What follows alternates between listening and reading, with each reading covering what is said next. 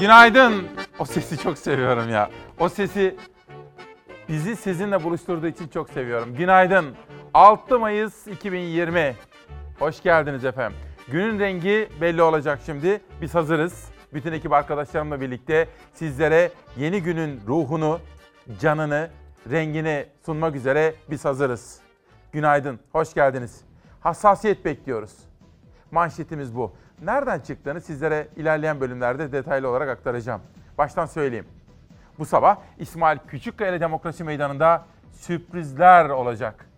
Bugünün hakkını vereceğiz. Hani uyandık ya, 6'sında Mayıs'ın ne oldu? Geçmişte ve bugün. Gelecekte neler bizi bekliyor? Hepsini konuşacağız. Şimdi yönetmenim Şeynaz'dan hemen gazete manşetlerini huzurlarınıza getirmesini rica ediyorum. Hassasiyet bekliyoruz diyoruz bugün. Bu arada şunu da söyleyeyim. Dün bizim sesçimiz Ozan'ın annesinin Gülay Hanım'ın doğum günüydü ya burada kutladık. Annesi o kadar mutlu ki fakat tabii annesi bütün Türkiye'den telefonlar aldı. Hiç kimse ya bilmiyordum Gülay Hanım unutmuştum diyemedi ilk defa. Çünkü Çalar Saat'te doğum günü kutladı. Tabii bizim Ozan da annesi tabii sosyal mesafeye dikkat ettiler ama unutulmaz bir anı sahibi olmuş oldu. Her birinize sağlıklı günler diliyor ve günün manşetini atıyoruz. Hürriyet. Yeni hayatımız böyle olacak diyor Hürriyet gazetesi editörleri. Türkiye 11 Mayıs pazar gününden itibaren salgın önlemlerin gevşetildiği yeni bir döneme giriyor. İşte yeni hayatımızın detayları. 1. Berbere ve kuaföre randevulu gidilecek. Bunun nasıl olacağını sizlere çok detaylı anlatacağız biraz sonra. 2. Maske takmayanlar AVM'ye alınmayacak. Hükümetin bu konudaki aldığı karar eleştiriliyor, onu söyleyelim. AVM'ler konusunda aceleci davranıldığı söyleniyor. Uzmanlar keşke bunu biraz daha bekletsek diyorlar. İşte bu sabahki randevumuzda bunu da detaylı olarak konuşacağız. Peki mağazaya gittiniz. Giysi alacaksınız, deneyeceksiniz. Nasıl olacak? Ya o giysi sizden önce kimler tarafından denendi ve ya onlardan birinde korona varsa bir başkası işte soru işaretleri. Hasta yaşlara aileden refakatçi. İlk kez bu pazar 4 saat sokağa çıkacak olan 65 yaş üstündekiler evlerine yürüme mesafesinde olacak. Araç kullanamayacak. Otobüse, minibüse binemeyecekler. Maske takacaklar. Sosyal mesafeyi koruyacaklar. İhtiyacı olana ailesinden bir kişi refakat edebilecek. Bu da bana çok gelen sorulardan birisiydi. Bu arada gazetenin rengi ne kadar da açık olmuş ve tam okunmuyor galiba değil mi? Gazetenin baskısında bir sorun var. Biraz sonra ben sizlere buradaki basılı halinden okuyayım. Hemen bir sonraki gazeteye geçelim. İşte bugün normalleşme takvimine dair Cumhurbaşkanı Erdoğan yaptığı açıklamalar, olumlu ve olumsuz bulunan, eksik bulunan tarafları da dahil her bir detayı sizlere aktaracağım. Sözcü. Virüs hallettik de bunu nasıl çözeceğiz? Tüfekli tabancalı mermili tehditler zirve yaptı. Türkiye bu kafaların oyununa gelmez. Bakalım neymiş? Son günlerde ortaya atılan darbe söylentileri, iktidar ile muhalefetin sert polemiği ve kutuplaşma sosyal medyada tehdit yağmuruna döndü. Bir takım kişiler iktidarın söylemlerine cevap veren CHP'li yöneticileri mermili, tüfekli tehdit etmeye başladı. Bir AKP'li mermili kavanozla tehdit etti. Bir diğeri tüfekli beyaz toros göndermesi yaptı. Trabzon'da bir kişi mermilerle tehdit savurdu. Bir kendini bilmez ise Erdoğan ile Menderes'in fotoğrafını yan yana koyup imada bulundu. Dün bu kişi için suç duyurusu yapıldı diyor efendim. Peki sözcüye geri döneceğim. Şimdilik hemen bir sonraki gazete için sabahın manşetine geçiyorum. Bu arada bugün 6 ayrı köşe yazarından alıntılar sizlere yapacağım. Bunlardan biri Sözcü gazetesi yazarı Emin Çöleşan. O da benim gibi hissetmiş dün. Cumhurbaşkanı Erdoğan'ın açıklamalarını dikkatle izlerken bir taraftan koronavirüse ilişkin yapmış olduğu açıklamalar tabii onlar her birimizi ilgilendiriyordu. Onlar önemliydi. Fakat sonrasında ülkemizdeki bir grup insanı rencide eden, üzen, hani yer yer tehdide varan ifadeler vardı. Biz de dedik ki salgın döneminde ülkemizi yöneten Cumhurbaşkanı'nın ülkemizdeki bir grup insanı böylesine suçlayıcı, eleştirici ifadeleri salgınla mücadele ruhuna uygun mu diye sormuştuk dün. Ben kırılmıştım mesela. Hani o suçlamalar üzerime alındığımdan değil ama salgınla mücadelenin birlikte dayanışma, kenetlenme içerisinde verilmesi gerekirken kutuplaştırıcı söylemden incinmiştik ülkemiz adına. Dolayısıyla biz bunun altını çizmiştik. Bugün Emin Çölaşan daha sert ifadelerle o da duyduğu hisleri ifade etmiş bu sabah. Ve Sözcü'den sabaha geçiyorum. Üniversiteye girmek bu yıl daha kolay. Ceyda Kararslan'ın haberi. YKS adaylarına müjdeli haber. Sınav süresi uzatıldı, baraj puanı düşürüldü. Kontenjanlar arttı. 200 bin öğrenciye daha üniversite yolu açıldı diyor gazete. İşte bugün çok detaylı haberleri sizlere aktaracağız. Dün mesela iktidar adına Sözcü Ömer Çelik neler söyledi? Muhalefet adına konuşanlar hangi açıklamalarda bulundular? Her birini sizlere aktaracağım. Dedim ya bugün hassasiyet bekliyoruz. Açık söyleyeyim. Bu ifadeyi Cumhurbaşkanı ve AK Parti lideri Sayın Erdoğan'dan aldık. Hikayesini ilerleyen dakikalarda anlatacağım. Ama hazırsanız günün ilk manşetini atalım. Şehnaz hazır mıyız? Günün ilk manşetini atıyoruz. İstiklal Caddesi bugün iyi bir görüntü vermedi. Bir kareye bu kadar insan girmesi için çok erken. Günlük hayattan her fotoğraf Türkiye günlük koronavirüs tablosuna destek vermeli. Evde kalmaya çalışalım. Çıkarsak maske kullanalım. Sosyal mesafe kuralına uyalım. İstiklal Caddesi'nde çekilmiş bir kare fotoğrafla uyardı Sağlık Bakanı. Gece saatlerinde yaptığı paylaşımla günlük hayattan her fotoğraf günlük koronavirüs tablosuna destek vermeli dedi. Son 24 saatin günlük koronavirüs tablosundaysa sayıların düşüşü sevindirdi. Yoğun bakım hasta sayısı, entübe hasta sayısı ve vefat sayısında düşüş devam ediyor. Yeni iyileşen hasta sayısı başarının diğer göstergesi. Vaka sayısında seyirde görülebilecek kısmi bir artış var. 5 Mayıs'ın koronavirüs tablosunda yeni tespit edilen hasta sayısındaki yükselme dikkat çekti. Bakan seyirde görülebilecek kısmi bir artış olarak açıkladı. Yapılan 33.283 testin 1832'si pozitif çıktı dün. Tespit edilen yeni hastalarla toplam hasta sayısı 129.491'e yükseldi. Sağlık Bakanı'nın altını çizdiği gibi yoğun bakım hasta sayısı düştü, 1338 olarak yansıdı tabloya. Entübe hasta sayısı ise 707'ye geriledi. Yeni hasta sayımız artık binli rakamlarla ifade edilir hale geldi. Yoğun bakım ve solunum cihazına bağlı hasta sayısı sürekli azalıyor. Buna karşılık iyileşen hasta sayısı katlanarak artıyor. Son tabloya 5119 yeni iyileşen hasta yansıdı. Toplam iyileşenler 73285'e yükseldi. Tablonun acı tarafı ise 59 hastanın daha ölmesi oldu. Toplam can kaybımız 3520'ye çıktı. Günlük can kaybı sayısının düşmesi teselli ederken tablonun genelindeki sayısal düşüşler umut verdi. Son günlerde umutları arttıran tablolar sayesinde normalleşme süreci başladı. Normalleşme takvimi Mayıs, Haziran ve Temmuz aylarına yayıldı.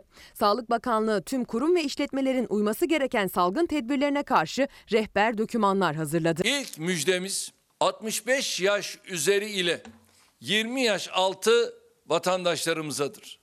65 yaş ve üzeri 10 Mayıs pazar günü saat 11-15 arasında dışarı çıkabilecek. 20 yaş altı ise iki gruba ayrıldı. 0-14 yaş arası 13 Mayıs çarşamba günü, 15-20 yaş grubundaki gençlerse 15 Mayıs cuma günü aynı saatler içerisinde serbest. Askerlik teris işlemleri 31 Mayıs'ta başlayacak. Milli Savunma Bakanlığı'nın atama, görevlendirme ve personel temin faaliyetleri 1 Haziran'da, celp işlemleri 5 Haziran'da, bedelli askerlik işlemleri ise 20 Haziran'da yeniden başlayacak. Giyim, ayakkabı, züccaciye, çanta gibi ürünlerin satıldığı iş yerleri ve alışveriş merkezleriyle berber, kuaför, güzellik salonu gibi işletmeler getirilen yeni kurallara uymak şartıyla 11 Mayıs'ta yeniden açılacak. Salgın hastanelerinin sayısı 1 Haziran'dan itibaren azaltılacak. Pandemi grubundan çıkarılan hastaneler eskiden olduğu gibi hasta kabulüne başlayacak. Adliyeler ara verilen duruşma, keşif, yargı süresi, uzlaştırmacı görevlendirmesi, icra iflas takiplerinin durdurulması uygulamaları 15 Haziran'da sona erecek. Sanayi ve Teknoloji Bakanı da 11 Mayıs'tan itibaren tüm ana fabrikaların yeniden faaliyete başlayacağını duyurdu. Salgının henüz e, ortasına bile gelmedik e, ve yüzmüş yüzmüş kuyruğuna getirmişiz gibi bir görüş kesinlikle yok. Bu dönem en riskli dönem. Salgının ilk dönemindeki aldığımız önlemlerin kat be kat fazlasını almamız ve kat be kat dikkatli olmamız lazım. Mutlaka maske kullanımı ve bu işte bir buçuk metrelik mesafenin sağlanması birinci döneme göre daha önemli hale gelecek. Profesör Doktor Mehmet Ceyhan en kritik sürecin şimdi başladığını söyledi. Sosyal mesafeye, hijyene her zamankinden daha fazla dikkat edilmesi çağrısı yaptı. Şu gerçeği asla aklımızdan çıkarmamamız gerekiyor. Kurallara uyulmaması ve Allah göstermesin salgının yeniden yayılması halinde çok daha sert tedbirlere başvurmak zorunda kalabiliriz. Günün ilk manşeti buydu. Özenli bir işçilik yapılmış. Ezgi Gözeger'in eline sağlık ve Gürol beraber yapmışlar. Saray rejiminin sonu geliyor gibi ifadeler bu ve başlayan tartışmalar. Şimdi efendim memleketin çözüm bekleyen sorunları var. Başta ekonomi, koronavirüs dönemindeyiz. İktidarıyla muhalefetiyle biz gerçek sorunlara odaklanmalarını ve ülkenin bu sorunları aşması için işbirliği yapmalarını bekliyoruz. İktidar partisinden de muhalefet partilerinden de bu özel ve zor döneme uygun birleştirici ama kutuplaştırıcı değil, kenetlenmeyi artırıcı gerçek birlik beraberlik söylemlerine ihtiyacımız var efendim. Bir arkadaşımız Ahmet Yılmaz gerçek haberleri duymak için erkenden uyandım derken Ahmet Ballıoğlu, İsmail kardeşim günaydın hassasiyet bekliyoruz. Rakamlar açıklanıyor, gidiş iyi ama normalleşmeye geçmek için erken gibi derken Hani bizim için dualarını esirgemeyenler de var sağ olsunlar ama Cengiz Ayan gibi bizim söylemlerimizden rahatsız olanlar da var. Cengiz Bey, eğer bir siyasi ki o siyasi Sayın Cumhurbaşkanı da olabilir, söylemleriyle beni incittiyse ben de bir Türkiye Cumhuriyeti yurttaşıyım bunu da söyleyebilirim. Özgür ve demokratik bir ülkede yaşıyoruz Cengiz Ayan. Ama benim ifadelerim sizin tanımladığınız gibi değil efendim. Yani daha dikkatli dinlerseniz ne anlatmak istediğim ortaya çıkar. Sabah gazetesine geri döneceğim. Şimdi pencereye geçiyorum. Sabahta bir de Sayın Cumhurbaşkanı'nın barolara ilişkin açıklamaları var. Onları ikinci tur manşeti olarak sakladım. Geleceğim onlara. Şimdi pencere. HDP'yi kapatsak ne olur bir düşünün. HDP eş genel başkanı Mithat Sancar dün Yavuz Ohan ve Mehmet Tezkan'ın sorularını yanıtladı. Ve bugün Pencere gazetesinde sür manşette. Mithat Sancar iktidarın HDP'yi terör örgütünün siyasi kolu diye nitelendirmesini eleştirdi. Ateşle oynuyorlar dedi. Mithat Sancar HDP'yi kapatalım gitsin. Bir sürü öfkeli insan var, kimlik talebi var, yoksulluktan kaynaklanan büyük bir öfke var. Kürt gençlerini daha çok kastediyorum. Nereye akıtacaksınız bu enerjiyi diye sordu efendim. Bugün bu ayrıca HDP'den istifa eden Ahmet Şık konusunda Ahmet Şık'la birlikte geçmişte FETÖ kumpaslarıyla cezaevinde yatan, aynı koğuşta yatan Nedim Şener bir yazı kaleme almış bu sabah Hürriyet gazetesinde Ahmet Şık'la kesin bir şekilde yollarının nasıl ayrı olduğunu ifade etmiş. Bugün medya dünyasında ve siyaset dünyasında çok konuşulacağını düşündüğüm yazısında Nedim Şener. İlerleyen dakikalarda özet sunacağım. Pencereden bir detay daha gelsin. Yasak bitti, akın başladı. Normalleşme adımının üzerinden 24 saat geçmeden tatil bölgelerinde yoğunluk yaşanmaya başladı. Turistik ilçelere gelenlerin tek tek ateşleri ölçülüyor. Çok sayıda uzmanla konuşuyoruz. Doğrusu bu normalleşme adımlarının bir kısmı doğru. Fakat AVM'ler konusunda bilim insanları kaygılı. Buradaki adımın erken atıldığını düşünüyorlar ve kaygılarını ifade ediyorlar. Ben de doğrusu onlara katılma eğilimindeyim. İşte bu sabah İsmail Küçükkaya Demokrasi Meydanı'nda 6 Mayıs'taki randevumuzda bu konuyu detaylı olarak aktaracağım. Pencereden Türk Gün Gazetesi'ne geçiyorum. Türk'ün gazetesinde darbeyi düşünen bedeline katlanır haberi var. MHP lideri Bahçeli iktidar olabilmek için sandığın dışında yol arayanlar, buna davetiye çıkaranlar sadece demokrasiye hasım değil, aynı zamanda emperyalizmin taşeronlarıdır. Bugün Aytunç Erkin, Sözcü gazetesi yazarı, bu tartışmalar nereden çıktı diye soruyor. Bu darbe tartışmaları ve bu darbe tartışmaları çıkınca hangi gündem ortadan kaldırılıyor ve bu kimin işine geliyor diye bir sorgulama yapıyor. O da bugün özet yapacağım yazarlardan birisi efendim. Türk Gün'deki bu manşetten Cumhuriyet'in haberine geçiyorum şimdi de. O taslak raftan iniyor. Demokrasinin son kırıntıları da yok ediliyor. Erdoğan barolar ve tabip odaları için AKP'ye talimat verdi. Darbe tartışmalarıyla yaratmaya çalıştığı mağduriyet algısı tutmayan iktidar yeni bir gerilim için düğmeye bastı. Cumhurbaşkanı Erdoğan, baroların ve tabip odalarının seçim usullerinin yeniden belirlenmesine ilişkin taslakların derhal meclise getirilmesi için AKP'ye talimat verdi. Baroların sesinin kısılmasını amaçlayan taslağa göre TBB delege sayısı artacak Barolar Birliği'nin. İstanbul ve Ankara barolarının delege sayısı düşecek.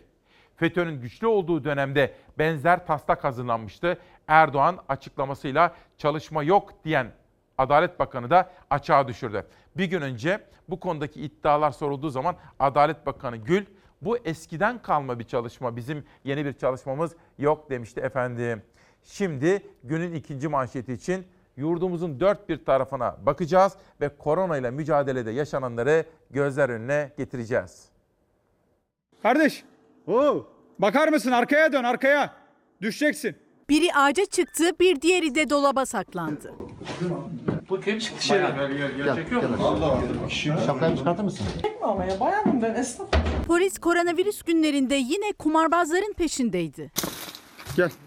Ablacığım şapkanı bir çıkart. Yüzünü bir göreyim. Çekme ama ya bayanım ben esnaf.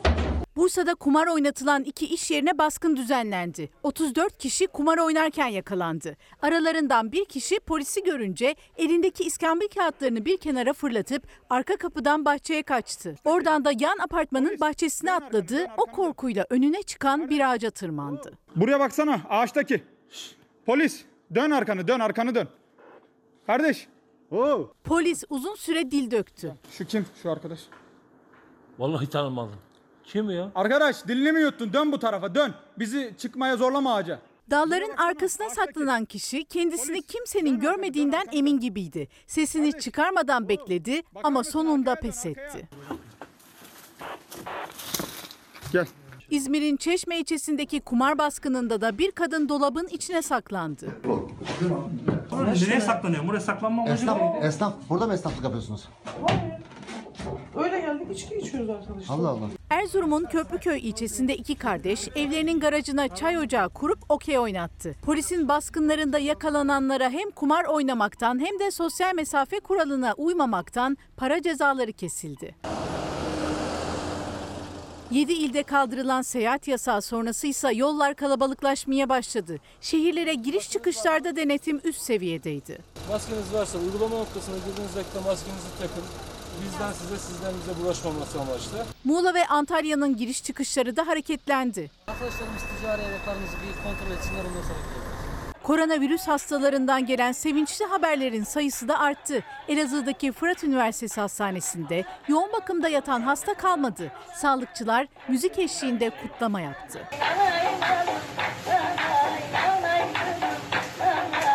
Bolu'daki pandemi hastanesi de son hastalarını taburcu etti. Batman'dan bir hemşire Çav Bella şarkısıyla uğurlandı.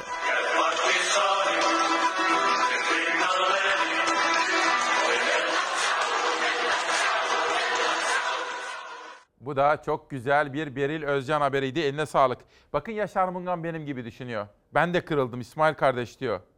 Günaydın. Böylesine derin bir kriz yaşarken, sağlık ve ekonomik krizler içinde yaşarken siyasi polemiklerle boğuşan tek ülkeyiz. Üzülüyorum. Ben de kırıldım diyor Yaşar Mungan. Bugün dikkat çekici yazarlardan bir tanesi de Milliyet Gazetesi'de Özay Şendir bizim Amerika'ya gönderdiğimiz maskelerin bir kısmı PKK'ya mı gitti acaba? Yazar Milliyet Gazetesi'ndeki sütununda bu sorunun yanıtını arıyor. Ve başta Fransızlar olmak üzere PKK-PYD ilişkileri bağlamında bazı gözlem ve gelişmeleri de aktarıyor ve Amerika'nın bizim onlara yolladığımız bazı maskeleri PKK'ya, YPG'ye yollayıp yollamadığının peşine takılıyor efendim. O da önemli soru işaretlerinden biri. İlerleyen dakikalarda Yeni Birlik Gazetesi'nin sürmanşetinde bu konuda başka farklı haberler de sizlere aktaracağım. Bu arada Antalya'dan Serik'e giderken yoldan İsmail Yılmaz aramış. Yalçın Bayar abimizi Hürriyet'te yazmış bugün. Ve bitiyoruz, batıyoruz diyor. Süs bitkileri sektörünün Türkiye'de yıllık üretim değerinin yaklaşık 110 milyon avro olduğunu belirtiyor ve yaşananlardan so- sonra yaşadıkları sıkıntıları ifade ediyor efendim. Yalçın Bayer de tarım konusundaki hassasiyeti gözler önüne sermiş ve Antalya'dan bir haberle karşımızda. Cumhuriyet'ten akşama geçiyorum. Akşam gazetesi editörleri bugün akıllı bir iş yapmışlar manşette. Koronavirüs tedbirlerini sıkı uygulayan ve sıfır vakayı yakalayan Artvin, Gümüşhane ve Giresun valileriyle konuşmuşlar.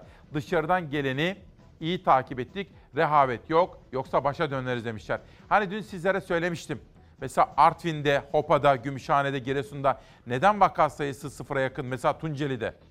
Gürkan Ata çok iyi bir iş yapmış ve Artvin valisiyle konuşmuş. Gümüşhane ve Giresun valileriyle konuşmuş. Akşam gazetesi de bunu haber olarak aktarmışlar. Şöyle söyleyeyim özet.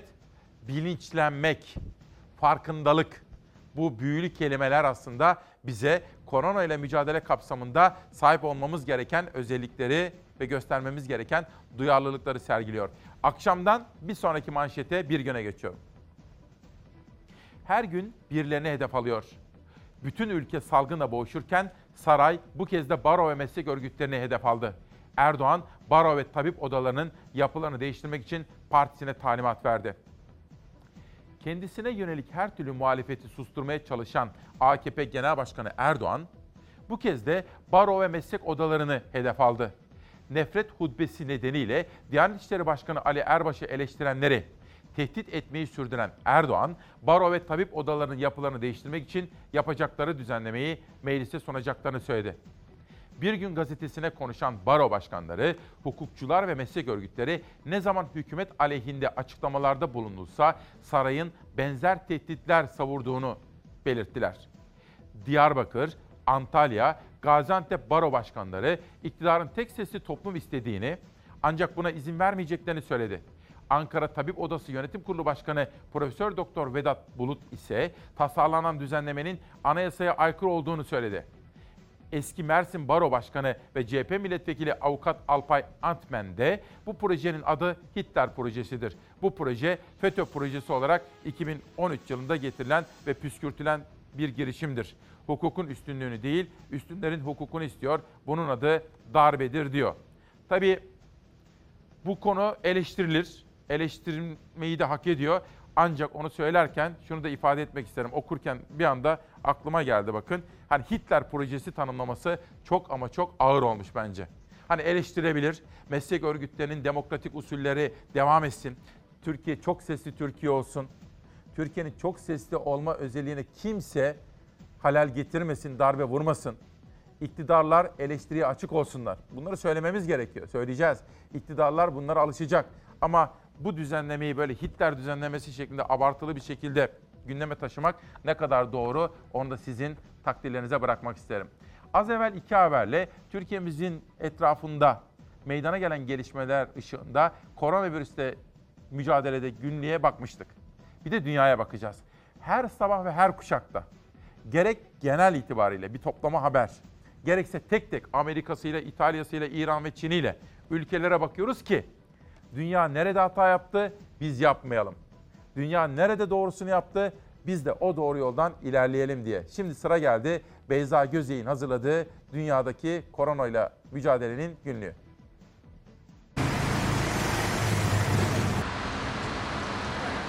Kısıtlamalar gevşetildiği uyarılar peş peşe geldi.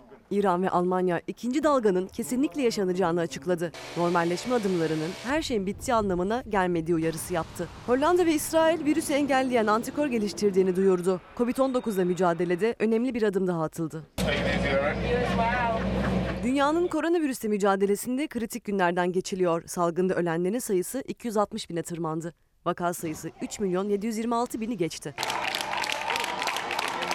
Hastalığı yenenlerin sayısı 1 milyon 240 bini aşarken Dünya Sağlık Örgütü'nden endişelendiren açıklama geldi. Örgütün genel direktörü COVID-19 uzun süre bizimle kalacak dedi. Virüsün panzehirinin ulusal birlik ve küresel dayanışma olduğunu vurguladı. Dünya Sağlık Örgütü hastalığın görüldüğü ülkelere 2019 sonuna ilişkin kayıtları inceleme çağrısı yaptı. Bu çağrının nedeni Fransa'da 27 Aralık'ta zatüre teşhisiyle tedavi edilen bir hastanın aslında Covid-19 olduğunun anlaşılması. Oysa Fransa ülkede ilk vakanın 24 Ocak'ta görüldüğünü açıklamıştı. Dünyada normalleşme hamleleri sürerken Avrupa Hastalık Önleme ve Kontrol Merkezi Direktörü kısıtlamaları gevşeten ülkeleri uyardı. Halkta yanlış beklentiler oluşturulmamasını istedi. İnsanlar salgının yakında bitmeyeceği yönünde psikolojik olarak hazırlanmalı uyarısı yaptı.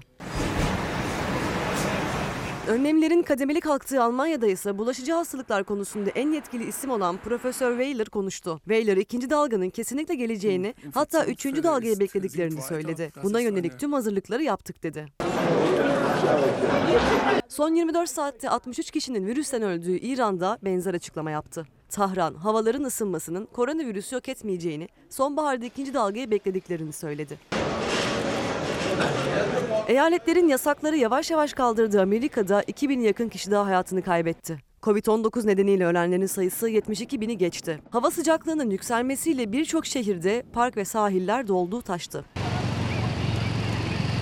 Virüse karşı aşı geliştirme çabaları da sürüyor. Amerika'da 14 ayrı aşı üzerinde çalışılırken İsrail ve Hollanda'dan yapılan açıklamalar gözleri bu iki ülkeye çevirdi. İsrail Savunma Bakanı salgını önlemede çığır açacak adım attıklarını söyledi. Bilim insanlarının virüsü vücutta nötrleyen antikor geliştirdiğini açıkladı. Hollandalı bilim insanları ise virüsü engelleyen yapay antikor geliştirildiğini duyurdu. Antikorun virüse maruz kalan ama henüz enfekte olmamış bir kişiyi koruma potansiyeline sahip olduğu belirtildi. Biraz sonra Zafer Söken'le birlikte dünyanın manşetlerine bakacağız. Çok çarpıcı detaylar var. Hemen onun peşi sıra Savaş Yıldız'la birlikte seçtiğimiz yerel gazetelerle Türkiye turuna çıkacağız. Diyarbakır'dan İzmir'e kadar, Edirne'den Ardahan'a kadar bütün Türkiye'deki yerel gazete manşetlerine bakacağız. Bu arada Nihal Kemaloğlu'ndan bir mesaj. Ha bakın çok önemli. O da sağ olsun. Tansiyonu çok düştü. Geçmişler olsun diyorum Nihal Kemaloğlu'na. Buna rağmen o da bize desteklerini sürdürüyor. Bakın maske satışında üst limit 1 lira olacak. Market ve eczanelerde satılacak. Heh.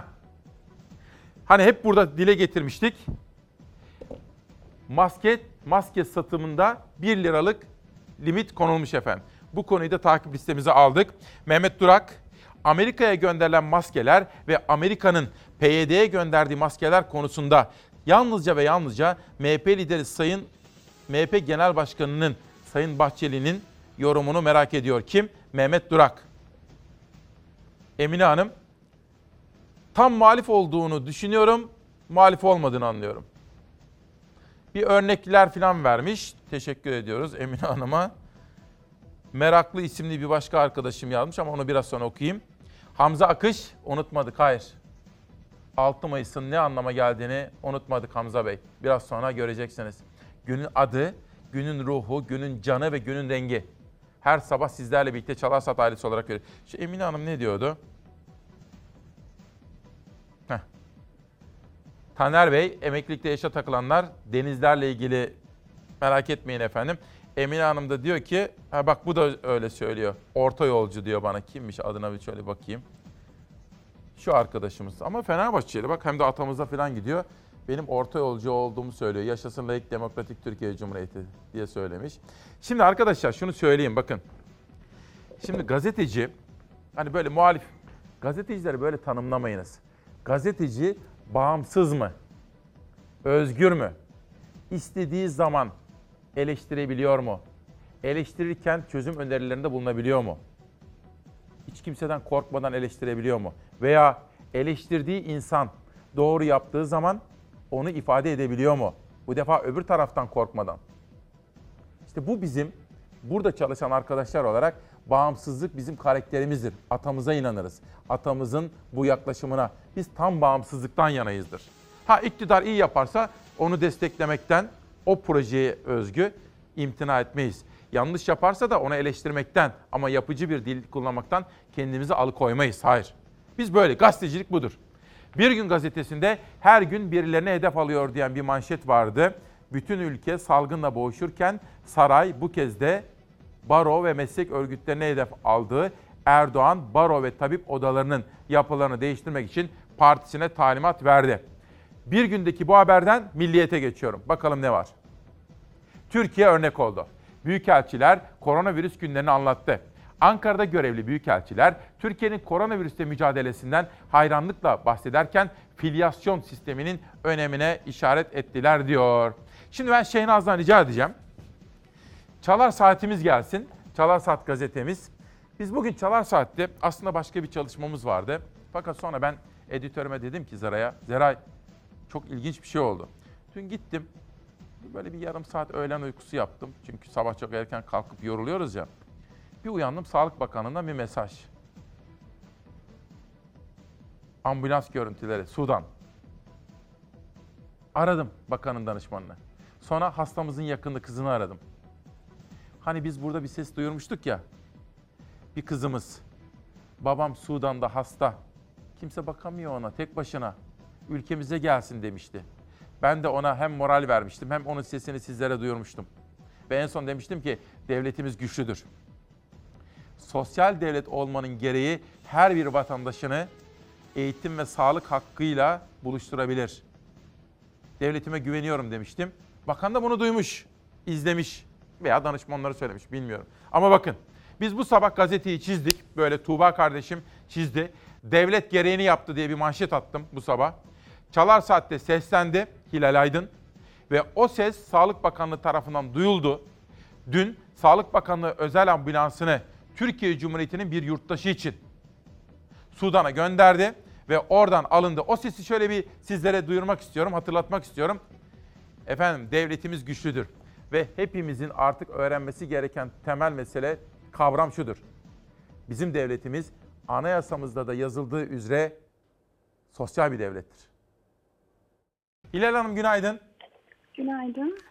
Şimdi bir izleyicimiz kendisi. Sizlere tanıştırmak istiyorum. Kendinizi kısaca tanıtır mısınız? Ee, İsmail Bey, ismim Hilal, soy ismim Aydın. Ee, Biraz canlı sesi yükseltelim. Babam, babam için size bağlanmak istedim. Ee, kendisi şu anda Sudan'da, Hartum'da e, mahsur kalmış bir durumda. Ne yazık ki günlerdir mücadele ediyorum fakat e, net bir iletişim, sağlıklı bir bilgi sağlayamadık. E, Büyükelçilik tarafından e, acil ambulans talebinde bulunuldu fakat henüz hala bir gelişme yok. Kendisi 56 yaşında ve 4 adet kronik rahatsızlığı var.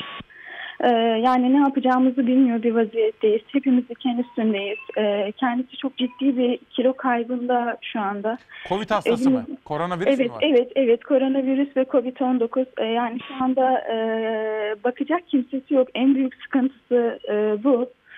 Ee, insanları hani yanına gönderemiyoruz. Ee, zar zor gönderebildiğimiz bir kişi vardı. O da orada şu anda tam gün sokağa çıkma yasağı var.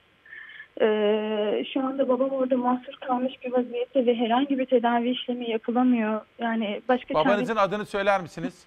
Muhammed Hanife Aydın. Evet. Babanızın yiyecek içecek tedavisi nasıl oluyor? Onu bir daha tamamlayalım. Ee, babamın yiyeceklerini e, Büyükelçilik Konsolosluk tarafından evi, evine bırakılıyor. Ee, teminini o şekilde sağlıyorlar. Ee, ancak sağlık problemini e, yani hastaneye yatırılması lazım ve ne yazık ki e, oradaki hastaneler zaten oranın kendi Sağlık Bakanı da birebir açıklama yapmış e, yetersiz olduğuna dair. E, oranın en iyi hastanelerinden birine babam gitmiş fakat e, yaşanan sıkıntılar zaten elimizde videolar mevcut. E, hastaneye kendisi yatırılamadı. Daha doğrusu yatmak istemedi. Ben Sudan'dan birçok mesaj aldım. Babanız oraya sağ girerse ölü çıkar. Evde kalsın yine hastaneye yatırmayın diye. Sudan'ın Sudan'da birçok kişiden. Yani ne yapacağımızı gerçekten şu anda bilmiyoruz. Ben buradan duyurdum. Ee, takip Çok edeceğim. Siz de bizi bilgilendirmeye devam edin olur mu? Çok teşekkür ederiz. Sağ olun. Allah sizden razı olsun. Sizden de öyle. Geçmişler olsun. Devletimiz büyüktür, gereğini yapacaktır diyorum. Yani insan tabii iç huzuru yaşıyor ve devletimiz büyüktür, gereğini yapacaktır. Sağlık Bakanlığı'na ve devletimizin yetkililerine bu konuda gösterdikleri hassasiyet için devletimizin anayasada yazıldığı gibi sosyal devlet olma vasfını bizlere bir kere daha hatırlattıkları için teşekkür ediyorum. Zaten Sağlık Bakanı bu krizi bütünü itibariyle bence çok iyi götürmekte. Ve bakın Burak Mert hani biraz evvel gazeteci tartışması vardı ya. Gazeteci iktidarı denetleyendir. İktidarı denetlemek muhaliflik olarak algılanıyor maalesef. Her konuda bilgi sahibi olan insanlarımız gazetecilik etiğini bilse keşke diyor. Son derece doğru. Kendisine çok teşekkür ediyorum Burak Mert kardeşime. Hemen altında bir de Çalar Saat ailesinden Mehmet Habalı. İsmail Bey kim ne derse desin ülkemizde Allah'tan Fox var siz varsınız diyor bakın. Ben de sürekli bunu söylüyorum. İyi ki Türkiye'de bağımsız ve tarafsız bir kanal var diyorum. İyi ki. Ve şimdi sosyal medya manşetleriyle şöyle gündeme bir bakmak istiyorum. Şimdi bizim Fox'ta Ankara'dan Beril kardeşimizin gündeme taşıdığı ve dün sizlere söylediğim Türkiye'de bugün en çok o konuşuluyor. Yusuf Derin. Ona şimdi sahip çıkıldı. Ama hani vicdanlarla, merhametlerle değil. Bu güzel ama sosyal devlet. Şimdi o haber. Yavuz Ohan ağlamadan izleyemiyor insan. Ve bu tabloya rağmen birilerinin bunlara çözüm bulmak yerine mikroskopla darbe çağrıştıran mesaj arayıp üstünden politika yapmasına da kahroluyor diyor. Neden bunu söylüyor? İşkur önünde iş aramaya giderken belki satarım diye termosla çay götüren baba. İşte Fox'ta bizim Beril kardeşimizin haberiyle gündeme gelmişti. Hem ana haberimizde hem de çalar saatimizde. Orayı verin arkadaşlar. Beni, ben önemli değil. Heh. Çünkü insanlarımız o yüzü unutmasınlar istiyorum. Şeynaz, heh, bravo. İşkur önünde iş aramaya giderken belki satarım diye termosla çay götüren baba. En son kızım, baba evde ekmek yok dedi. Evde termosum vardı, çayı demledim diyecek bir şey bulamadım diyor. Yavuz Ohan da boş darbe tartışmalarıyla gündemi oluşturmak yerine Türkiye'nin işsizlik ve yoksulluk meselesinin gündeme getirilmesi gerektiğini söylüyor. Geçelim. Aynı konuda Türkiye Kadın Dernekleri Federasyonu ve federasyonun başkanı Sayın Canan Güllü hocamız da düşüncelerini ifade etmiş. Medyada yer aldığı için destek alabildi. Oysa görünmeyen o kadar çok ihtiyaç sahibi var ki evde kalmak mı, hayatta kalmak mı? Federasyonumuza çok sayıda talep geldiği için biliyoruz. Yerel yönetimler gücü yettiği kadar ama en önemlisi ekonomi politikası ve israftan kaçınmak diyor. Şimdi şunu söyleyeyim. Bu yurttaşımıza başta Ankara Büyükşehir Belediye Başkanı Mansur Yavaş, ismi bende saklı. Elif Ergül kardeşim devreye girdi mesela. İsmi bende saklı. Bazı yurt, hayırsever yurttaşlar devreye girdi. Bendevi Palandöken de görüşüyor kendisiyle. Bunun dışında hatta bana kızacak ama Fazıl Say'ın eşi Ece Hanım da bir başka haberimizde bir kızımız vardı. Dün Orkun'u aradım bizim haber müdürümüzü. Orkun dedim o kıza ulaşmamız gerekiyor. Hani kız kardeşim mi okutuyordum, işsiz kaldım diyordu bir başka haberimizde. Ece de o kıza çok üzülmüştü, yardımcı olmak istiyordu. Bana kızacak ama örnek olsun istiyorum. Örnek olmasını istiyorum bunların. Ama dediğim gibi aslında ulaşmak istediğimiz hedef vatandaşlarımızın merhamet ve vicdanıyla değil, devletimizin gücünden aldığı, geleneklerinden getirdiği imkanlarını kullanarak sosyal devlet olma vasfıyla yurttaşlarımıza sahip çıkabilmesi. Ulaşmak istediğimiz ideal hedefte işte bu var. Geçelim. İsmail Saymaz. Maske meselesini gündeme taşıdı ve İsmail Saymaz'ın bugüne kadar en fazla trend topik olan, en çok beğeni alan paylaşımı. Şöyle. 65 yaş üstüne maske ve kolonya bizden denildi. Sonra İstanbul'dan dağıtmaya başlıyoruz denildi. Marketlerde maske satacağız. Sonra satmayacağız. Sonra PTT dağıtacak. PTT çöktü. E-Devlet de olabilir. Eczaneler dağıtacak. SSK'lılar ve memurlar iş yerinden alacak. Maske satışı serbest. İsmail Saymaz böyle bir derleme toparlama yapmış ve Trend Topik'te kendisi rekor sürede kalmıştı dün. BBC News. Rapor. İtalya'da kısıtlamaların ardından nüfusun sadece %20'sinin normal yaşama dönmesi bile daha büyük ikinci dalga salgına yol açabilir. İlerleyen dakikalarda dünyadan ve Türkiye'den ikinci dalga ihtimaline dair uzman görüşlerini yine sizlere İsmail Küçükkaya ile Demokrasi Meydanı'nda anlatacağız. Aman diyoruz, aman dikkat. Çahan Kızıl, AVM'lerin açılması ve normallik vurgusu çok büyük risk taşıyor. Umarım tekrar başa dönülmez diyor. Ve girişimcilik konusunda dünyanın en prestijli iş dünyası ödül programı olan Ernst Young yılın girişimcisi programında Bahçeşehir Üniversitesi Global Başkanı ve Bahçeşehir Uğur Eğitim Kurumları Yönetim Kurulu Başkanı Enver Yücel, Ernst Young'ın Türkiye 2020 yılın girişimcisi seçildi ve hoca dünyada yılın girişimcisi ödül töreninde yarışacak ve bakalım Türkiye'yi nasıl temsil edecek Enver Yücel. Bu arada Enver Yücel adına da bir vakıf kurulduğunu oğlu Hüseyin Yücel'in sosyal medya ve kamuoyundaki paylaşımlarından öğrenmiş bulunuyoruz. Bu konuda neden seçildi? Neden yılın girişimcisi Ernst, Ernst Young? Biliyorsunuz dünya çapındaki bir denetim firması. Bu konuda da dün bir çalışma yaptım. Belki bugün belki de yarın sizlere anlatabilirim. Ali Koç, Fenerbahçe Başkanı. Fenerbahçe Fenerbahçe Başkanı Ali Koç 70 milyon liralık kaynak buldu ve UEFA'nın istediği borçsuzluk kağıdı için tüm takımın Şubat, Mart ve Nisan ayı alacaklarını ödettirdi diyor. Bu da medyanın 50 notunda gördüm. Fenerbahçe camiasının önem vereceği bir haber. Bu arada Sağlık Bakanı Fahrettin Koca ve Futbol Federasyonu Başkanı Nihat Özdemir dün bir zirvede buluştu. Ve Fahrettin Koca kararı, bir takım bilgileri verdi. Ama kararı federasyona bıraktı. Federasyon Başkanı Nihat Özdemir bugün saat 14'te liglerin nasıl tamamlanacağına dair açıklamasını yapacak. Ruşen Çakır, bir çaresizlik hali iktidarın tavırlarına çok hakim. Bu nedenle salgından sonra Erdoğan yeni yeni bir seçime yönelebilir diyor. Siyaset kulislerindeki bir tartışmayı gündeme taşıyor. Yekta Kopan, sınav süresini uzatmak, barajı düşürmek ve bunları bir ödül olarak göstermek. Zaten her yönü saçma bir sistemde hadi yine iyisiniz havası estirmek, tarihi bir itmek bir çekmek, gençlerden özür diliyoruz diyor Yekta Kopan efendim. Bugün Yılmaz Özdil de köşe yazısında bu sene sınava girecek çocuklarımızın 2001 ve 2002 doğumlu olduklarının altını çiziyor ve çok sayıda bakan değiştiğini, eğitim sisteminin sürekli değiştiğini, sınav sisteminin de adeta yapboz tahtasına döndüğünü belirtiyor ve talihsiz bir kuşak oldu diyor Yılmaz Özdil o kuşağı çünkü çok sayıda bakan ve sistem değiştiği için. Eğitim de bu sabahki ana gündem maddelerimizden birisi olacak. Şeynaz hazır mıyız? Eğitim haberi. Yüksek Öğretim Kurumları sınavı 27-28 Haziran'da. Liselere geçiş sınavı 20 Haziran'da.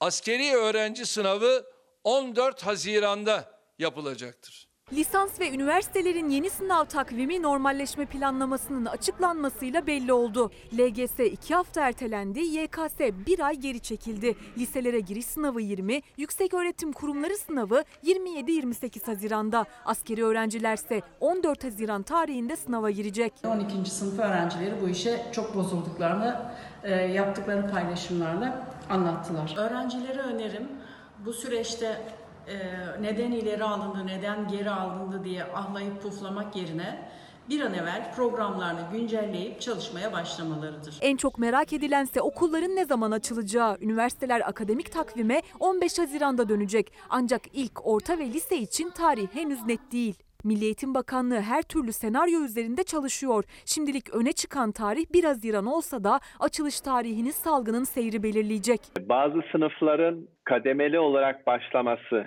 e, örneğin 4-8 e, ya da 12. sınıfların gelmesi e, ya da okul öncesinin e, başlaması daha önceden e, ve belli sınıflarda e, sınıfın yarısının e, sabah gelmesi ya da öğleden sonra gelmesi gibi o kadar çok senaryo var ki elimizde. Sınavların salgın şartlarında nasıl gerçekleşeceği de şekillenmeye başladı. Liselere giriş sınavına her öğrenci kendi okulunda girecek. 15 yaş üstü için zorunlu olan fotoğraflı kimlik belgesi bulundurma şartı bu yıl kaldırıldı. Sınav yine iki oturumda gerçekleşecek. En çok merak edilen soruysa o iki oturum arasında 45 dakikalık molanın olup olmayacağıydı. Milli Eğitim Bakanı Ziya Selçuk bu konuya da açıklık getirdi. İki oturum arasında 45 dakikalık mola gerçekleştirilecek ancak öğrenciler gözetmenler eşliğinde sosyal mesafeyi koruyarak molaya çıkabilecekler ve veliler bu kapıdan içeri sınav boyunca giremeyecekler. Öğrenciler birinci dönem içeriklerden sorumlu olacak. Öğrenci ve velilerin yanında rehber öğretmen bulunacak. Sınıflar, salonlar dezenfekte edilecek ve her bir görevliye, öğretmen ve öğrenciye maske ve dezenfektan verilecek. Hangi sınıfta kaç öğrenci olacak? Oturma planı nasıl yapılacak? Bu henüz net değil. Planlama aşamasında bilim kurulunun tavsiyesi doğrultusunda netleşecek. Benzer salgın tedbirleri yükseköğretim kurumları ve askeri öğrenci sınavları için de geçerli. YKS için yapılan önemli değişiklikleri ise YÖK Başkanı Yekta Saraç sosyal medya hesabından duyurdu. Adaylar lise son sınıfın ikinci dönemindeki konulardan muaf. 135 dakikalık sınav süresi 30 dakika uzatıldı. Sınav süresi 165 dakikaya çıkarıldı. Üniversiteye giriş sınavı için baraj olarak belirlenen 180 puansa 170'e çekildi. Bu sayede 112 bin ile 195 bin arasında ilave aday öğrenci öğrencinin lisans programlarına yerleşebileceği tahmin ediliyor. Bu ay içerisinde konu tekrarlarını bitirsinler kendileri. Mutlaka daha önceki yılların çıkmış sınav sorularını gözden geçirsinler. EBA programında sınava yönelik hazırlık programları var. Özellikle öneriyorum. İşte bu sabahta eğitimden sağlığa, siyasetten turizme kadar pek çok konuda haberleri sizlere anlatacağız. Hassasiyet bekliyoruz dedik. Bunu Sayın Erdoğan'ın bir açıklamasından aldık. Hikayesini biraz sonra anlatacağım. Bu sabah günün canı ruhu, günün rengi 6 Mayıs'ı hep beraber karşılayacağız ve hakkını vereceğiz efendim. Ama şimdi bir reklam arasına gideceğim ve sürprizlerim var biraz sonra. Bu sabahta tanıtmak istediğim kitaplardan birisi Arafta Kalanlar Ümit Savaş. Yeni yazmış, imzalamış ve bana yollamış. Gülten Akın şiirler okuyacağım sizlere. Gülten Akın içindeki sevdasını anlatırken bir dizesi var efendim. Diyor ki, öyle tutkuyla seviyorum ki seni, aklımda hep öyle kalmalısın. Bir günün adını, bir günün canını, bir günün ruhunu, rengini, bir günün kahramanını, bir günün fotoğrafını, bir günün manşetini, özel haberini beraber atıyoruz. İşte bu bizi çok heyecanlandıran bir duygu durumu. Günaydın. Biz hazırız. Siz de hazır mısınız? Devam edeceğiz. 6 Mayıs 2020 günlerden çarşamba İsmail Küçüköy ile Demokrasi Meydanı'ndasınız. Şehnaz'dan rica etsem şöyle bir dışarıyı bir görsem. O mavilikle yeşilin uyumunu, ahengini, dansını. Şöyle bir dışarıya baksam. Evet. Günaydın Türkiye'm. 6 Mayıs sabahında manşetlere hoş geldiniz. Şimdi günün adını beraber atıyoruz. 1. Sosyal medya manşetleri ama önce Çalar Saat gazetesi gelecek. Bugün Çalar Saat'te biz tabii iç huzurumuz yüksek. Çünkü hiç tanımadığımız, etmediğimiz, bize sosyal medya vasıtasıyla ulaşan bir kızımız bu. İsmail Bey, sesimizi bir tek siz duyurabilirsiniz demişti. Nedir derdiniz demiştim. Babam Sudan'da. Hasta. Ve sıkıntıları var. İyi olması için Türkiye'ye getirilmesi gerekiyor demişti. Ben de burada sizlere onun sesini duyurmuştum ve devletimizin sosyal devlet olma vasfını hatırlatmıştım. Anayasamızda var ya, Türkiye Cumhuriyeti laik ve sosyal bir hukuk devletidir. Ve devletimize güveniyoruz demiştim. Sağlık Bakanı da o sözleri duymuş. İşte bugün devlet gereğini yaptı dedik ve Sudan'a özel bir ambulans gönderdi devletimiz ve hastamızı oradan aldı. Dün akşam itibariyle Türkiye'ye getirdi. Şu anda hastanede. Dolayısıyla sosyal devlet olmayı biz işte her fırsatta vurgulayacağız. Bu konuda haberim var. İlerleyen dakikalarda sizlere aktaracağım. Ama şimdi sosyal medyadaki manşetlerle günün özetini beraber yapalım bakalım. Hassasiyet bekliyoruz. Bugünkü manşetimiz bu. Dolaylı ve doğrudan darbe iması yapanlar da bu tehdidi sürekli gündemde tutarak otoriter politikalarını meşrulaştırmaya çalışanlar da demokrasimizin geleceği açısından ateşle oynamaktadır diyor. Ahmet Davutoğlu bu darbe tartışmaları ile ilgili bunun yapay bir gündem olduğunu belirtiyor ve özellikle otoriter bazı politikaların meşrulaştırılmaya çalışıldığını iddia ediyor Gelecek Partisi lideri Ahmet Davutoğlu. MHP lideri Bahçeli her kim darbeyi aklından geçiriyorsa bunun en acıklı bedeline katlanmayı göze almalıdır diyor. Saat 8 civarında Türk Gün gazetesinden manşette de Bahçeli'nin bu konudaki ifadelerini sizlere aktarmıştım hatırlayacaksınız. Cumhuriyet Gazetesi bugün 48. yıl döneminde 3 fidan için iadeyi itibar teklifi meclise böyle bir teklifte bulunuldu dün itibariyle. Bugün 6 Mayıs. Denizlerin idam edildiği gün. Dünya liderleri koronavirüsle mücadelede güçlerini birleştirdi. Avrupa Komisyonu 1 milyar dolar veriyor.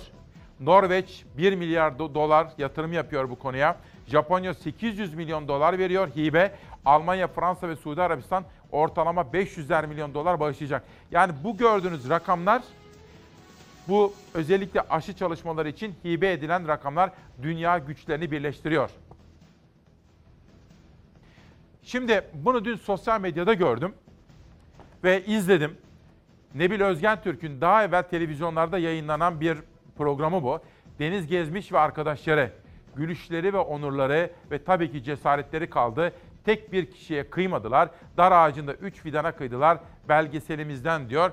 Ve Nebil Özgen Türk'ün o belgeselinden sizlere kısacık bir bölüm aktardık. Çünkü çünkü bugün Mayıs'ın Mayıs'ın 6'sı.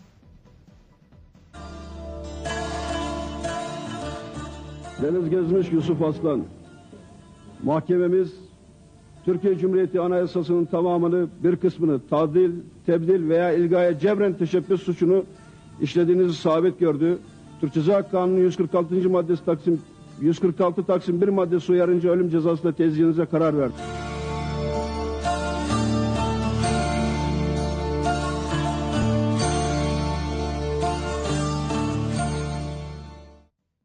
6 Mayıs 1972 sabahı idam sehpaları kuruldu.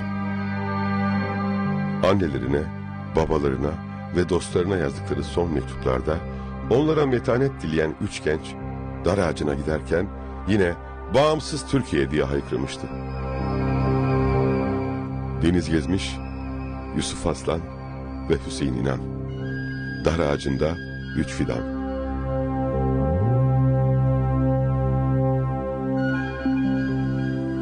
Ulucanlar cezaevi, haksızlığın, hukuksuzluğun ve gaddarlığın mekanı oluvermişti 6 Mayıs'ta. Üç gencecik adam dar ağacına gönderilmişti.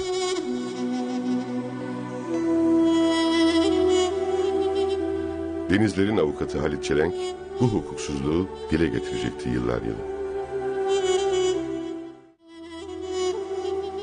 Sonra Deniz getirildi koridorun başına. Yusuf odadan çıkarıldı. Onunla sarıldılar.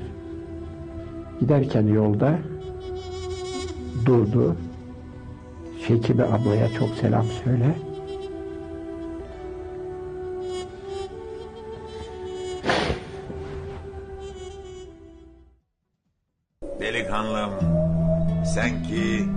Ya bir köşe başında kan sızarak kaşından gebereceksin ya da bir dar ağacında can vereceksin.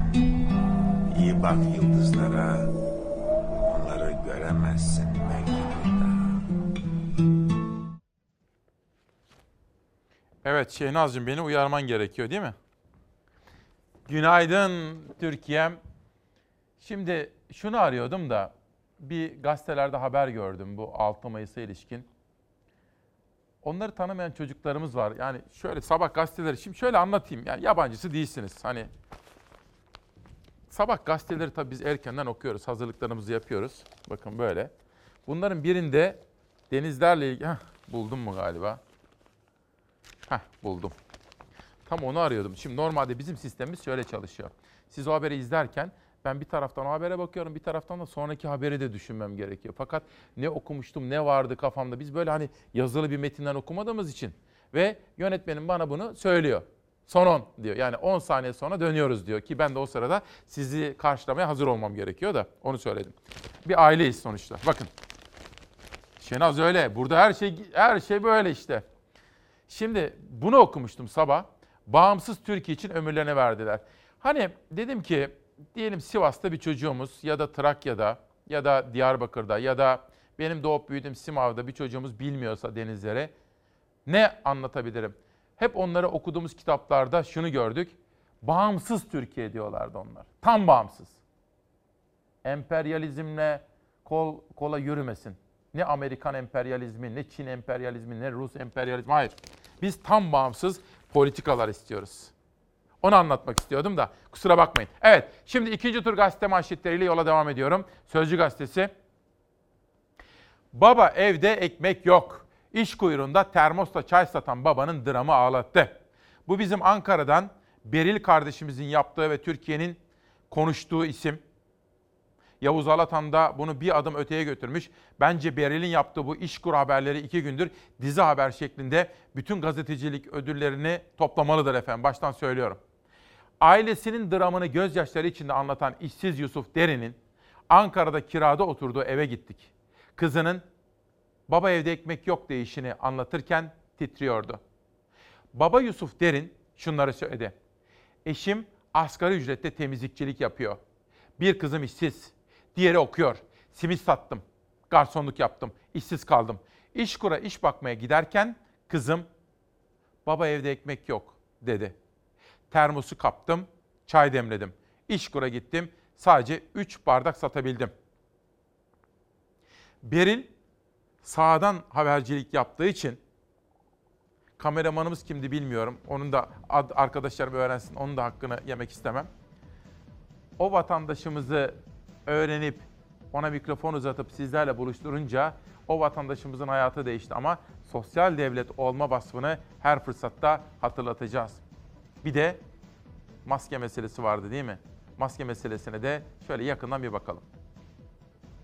Piyasada satışına izin vermediğimiz cerrahi maske ve bez maske satışına halkımızın kolayca ulaşabileceği yerlerde izin vermeyi planlıyoruz. Maske dağıtmayı beceremeyen bir iktidardan bahsediyoruz. Bu maskeler meselesini konuşurken gülme hissi geliyor. Topluma 5 maskeyi dağıtamadılar. Ücretli mi olacak, ücretsiz mi? Kim dağıtacak? Vatandaş kimden alacak? Koronavirüsle mücadelenin ilk gününden bu yana maskenin dağıtımı da paralı mı parasız mı olacağı da tartışma konusu. En son satışı yasak açıklaması yapan Cumhurbaşkanı bu kez satılacağını duyurdu. Muhalefet iktidarı maske dağıtamamakla suçladı. Kesinlikle parayla maske satışı yasaktır. Cerrahi maske ve bez maske satışına izin vermeyi planlıyoruz. Cumhurbaşkanı Erdoğan'ın yaptığı iki açıklama arasında bir ay var. O bir ayda maske sorunu bir türlü çözülemedi. Maskeye ulaşmanın da uygun fiyata bulmanın da zor olduğu günlerde Ticaret ve Gümrük Bakanı Ruhsar Pekcan'ın maske satacağız açıklamasıyla başladı büyük tartışma. İnşallah satışını gerçekleştireceğiz. Bakanın açıklaması tepki çekince Cumhurbaşkanı PTT'ye başvurulması halinde haftada 5 adet maskenin eve teslim gönderileceğini duyurdu. Yoğunluk oldu, sistem çöktü. Başvuru E-Devlet üzerinden yürüdü. Ama kimine gitti, kimine gitmedi. Salgın riski olduğu için maske zorunlu hale geldi. Eczaneler dağıtsın dendi. Bu kez de herkese kod gitmedi. En son yine satma noktasına geldiler. Büyük ihtimalle yandaş bir şirket büyük bir yatırım yaptı. Maske türlerine göre bir üst fiyat belirleyerek halkımızı mağdur edebilecek girişimlerinde önünü keseceğiz. Yeni fırsatçılara koruyuculuk taşımayan maske satanlara açık kapı bırakmamak için ücretli maskelerin sadece eczanelerden verilmesi şarttır. Maskelerin nerede satılacağı da konuşuluyor. Türk Eczacılar Birliği Başkanı eczanelerde satılmasını talep etti. Maske zorunlu olduğu için eğer yoksa markete girilemiyor ya da otobüse binilemiyor. Vatandaşın derdine ücretsiz maske ile başta Ankara, İstanbul, İzmir belediyeleri çare olmuştu. Yine devam kararı geldi belediyelerden. 17 istasyonda 17 noktada maske matiğimiz var. Yeni alanlara da koymaya devam edeceğiz. İzmirlileri maskelerle buluşturacağız. Bu süreçte işleri bozulan terzi kardeşlerimize destek için maske üretim kapasitemizi iki katına çıkarıyoruz. Üretim fazlası günlük 100-150 bin maskeyi halkımıza ücretsiz dağıtma kararı almış bulunuyoruz. Maskeden tuluma, tanı kitinden solunum cihazına kadar her konuda sadece kendi kendimize yetmekte kalmadık. 57 ayrı ülkeye yardım yaptık. AKP iktidarı kendi insanına dağıtamadığı maskeyi dünyaya ulaştırmayı becerdi. Elimizde vardı da e, vatandaşımıza vermedik sanki yurt dışına verdik gibisinden tamamen yalana dayalı bir propagandadır. Vatandaşlarımızın memnuniyeti çok yüksek noktadadır. Maske meselesi de böyle. Şimdi Sözcü'den Pencere gazetesine geçiyorum. Sonra Karar ve diğer gazetelere doğru akıp gideceğiz. Alınan en riskli karar, karar AVM'lerin açılması.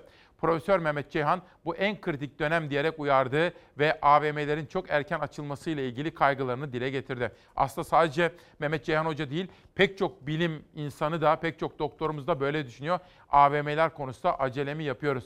Daha fazla tedbir alınması gerektiğini söyleyen Profesör Ceyhan, sadece %10'luk kısmı kontrol ediyorduk. Şimdi daha fazla insan dışarıda olacak. Bir hata bizi olayın başına götürür ve onca çaba boşa gidebilir diye kaygılarını dile getiriyor. Bakalım başka ne var detay?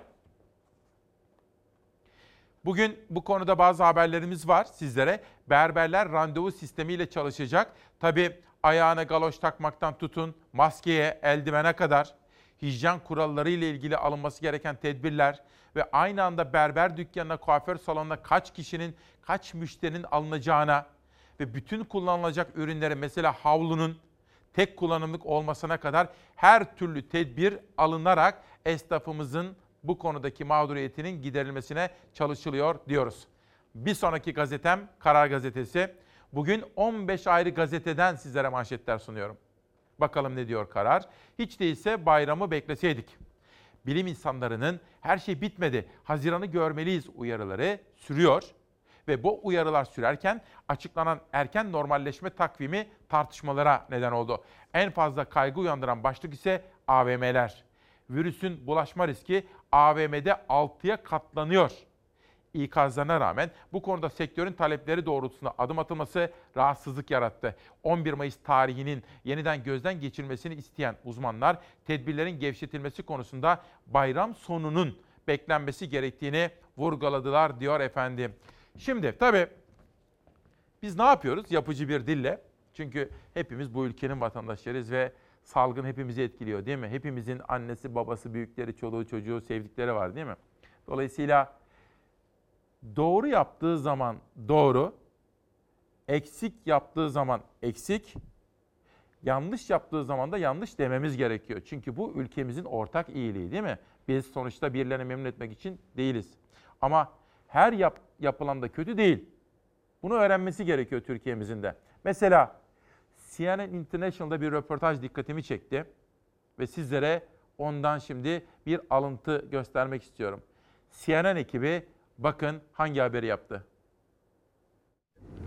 We're following one of the contact tracing teams in Istanbul. We just met up with them.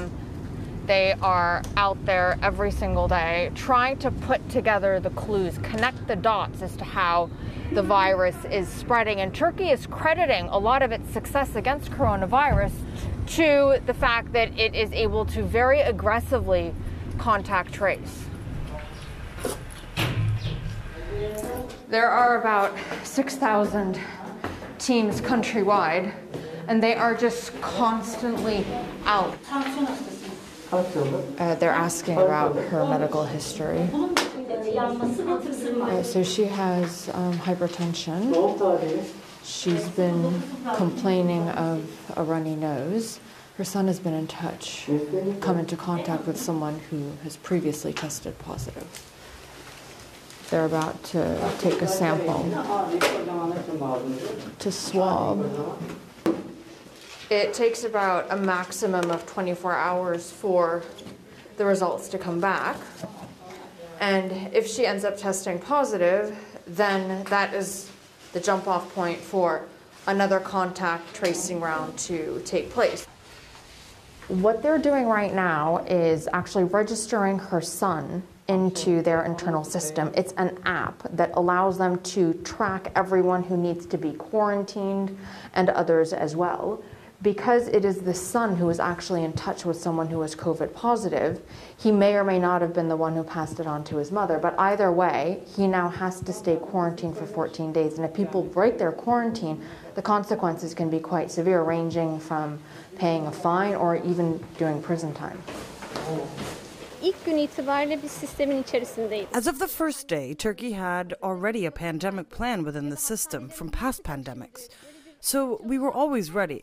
We took the plan off the shelf, put it into action, and alerted all of our contact tracing units. So we didn't lose time to plan a response or to say what should hospitals do during this disaster. So this is the operations room, and they have people who are speaking Turkish and Arabic. So he right now is actually on the phone with somebody, uh, trying to get their history as to where they have been and who they've been in contact with. Çekinmeden vermeleri, o bilgiyi vermeye çalışıyoruz. What Dr. Aslan is telling us is that they have to rely on people to be honest because if they don't have accurate information, then they can go in the wrong direction. And everyone here is aware that their success against COVID 19 is what hangs in the balance. Arwa Damon, CNN, Istanbul. Duy Türkiye'm duy. Bunlar bizim fakültelerimiz, tıp fakültelerimiz. Daha düne kadar bütçemiz yok, malzeme alamıyoruz, kaynağımız yok, ödeneğimiz yok, binamız çürük diyen tıp fakültelerimiz. Ülkenin her okulun en iyileri hep tıp fakültelerine gitti. Cerrahpaşa'sı, Çapası, Ankara Tıpı, Hacettepe'si, Ege'si. Bunlar bizim gözümüzün nuru. Eğer biz bugün bir başarıdan bahsediyorsak, biz bugün Sağlık Bakanı'ndan bravo diyerek bahsediyorsak, işte bu kültürden bahsediyoruz. Cumhuriyet ve onun yetiştirdiği tıp dünyasının o saygın doktorları, fedakar tıp dünyası çalışanları, Cerrahpaşa bak, dünyanın göz bebeği oldu. Bu krizin hani her meretten her musibetten bir hayır çıkar ya.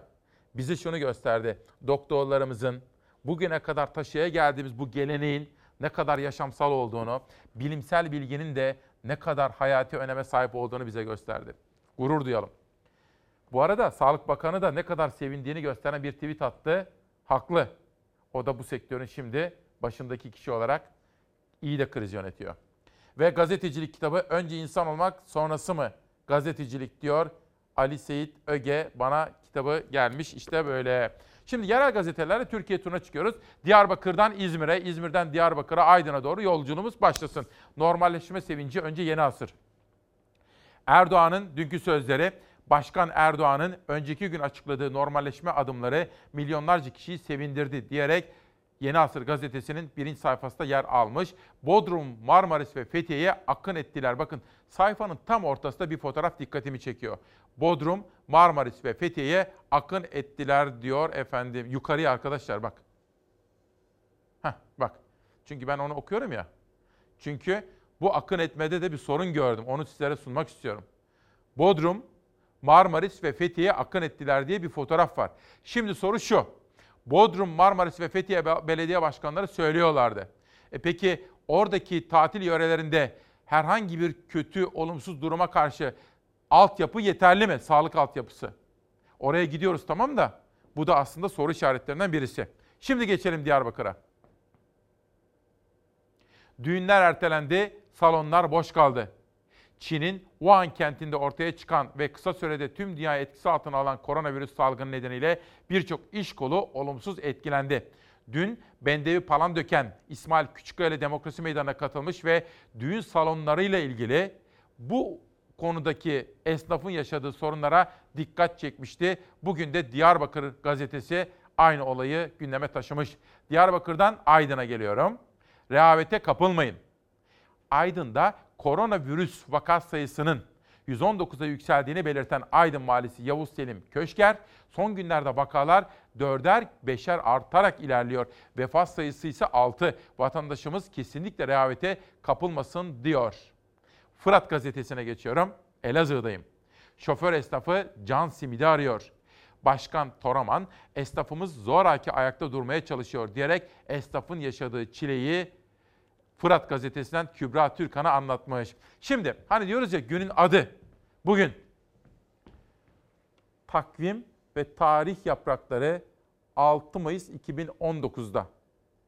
Yani bundan bir yıl önce ne yazdı ve bundan sonra ne yazacak? Yüksek Seçim Kurulu'nda o haince kararı alanlara sesleniyorum. Buradan verdiğim mesajlarla inanın onların bile çocuklarının, torunların hayatlarını kurtaracağım. Onların bile. AK Parti'ye oy veren yaklaşık 15 bin seçmenin iradesi alenen gasp edilmiştir. Ramazan'ın birinci gününde bir kişinin hakkını yiyorsunuz hakkını. Biz sadece gasp edilen haklarımızın peşindeyiz. İstanbul seçimlerinin anamın ak sütü kadar helal olduğunu biliyorum. Anamın ak sütü kadar helal olduğunu biliyorum. Bu millet bizi seçmiştir. 6 Mayıs 2019'da Yüksek Seçim Kurulu Türk siyasi tarihinde unutulmayacak bir karara imza attı. İstanbul Büyükşehir Belediye Başkanlığı seçimini usulsüzlük olduğu gerekçesiyle iptal etti. Seçimin yenilenmesine karar verdi. Türkiye haftalarca o kararı konuştu. Ben Yüksek Seçim Kurulu'nu kınıyorum. Kınıyorum. 31 Mart'ta tüm Türkiye gibi İstanbul'da sandık başına gitti. İstanbul Büyükşehir Belediye Başkanı'nı, ilçe belediye başkanlarını, belediye meclis üyelerini ve muhtarları seçti. Büyükşehir Belediye Başkanlığı seçiminde Ekrem İmamoğlu rakibi Binali Yıldırım'dan 13.729 oy fazla aldı. İmamoğlu'na mazbatası yeniden sayımlar ve itirazlar nedeniyle 17 gün sonra verilebildi. Mazbatamızı İstanbul İl Seçim Kurulu'ndan teslim aldık. İmamoğlu göreve başladı ama AK Parti 225 sandık kurulu başkanı ve 3500 sandık kurulu üyesinin kamu görevlisi olmadığını söyledi. Büyükşehir Belediye Başkanlığı seçiminin yenilenmesi için YSK'ya başvuru yaptı. 6 Mayıs 2019'da YSK kararını verdi. Başkan Sadi Güven dahil 4 üye seçimin yenilenmesine karşı oy kullandı. 7 üye ise kabul oyu verdi. Seçimler iptal edildi. Yeni seçimin tarihi 23 Haziran olarak belirlendi. Ben kendimi ve bu mücadelemi de sizlere emanet ediyorum. İstanbul seçimlerinin üzerindeki gölgenin kalkmasını sağlayacak bu kararı demokrasimizi güçlendirecek önemli bir adım olarak görüyoruz. Hangi dinde imanda vardır böyle? Gidip birisinin de hakkını hukukunu gasp etmek. 19 gün İstanbul Büyükşehir Belediye Başkanlığı yaptıktan sonra YSK kararıyla mazbatası alınan İmamoğlu İstanbullulara seslendi. Ceketini, kravatını çıkardı, kolları yeniden sıvadı. Yolumuz uzun. Heyecanımız yüksek. Gençliğimiz var. Gençliğimiz var. 23 Haziran 2019'da İstanbullular Büyükşehir Belediye Başkanlığı seçimi için yeniden sandık başına gitti. Sandıklar açıldığında İmamoğlu bu kez 800 bin oy farkıyla yarışı kazandı. Yüksek Seçim Kurulu yasağı kaldırmış bulunuyor. Şu an itibariyle seçimleri rakibim Ekrem İmamoğlu önde götürmektedir.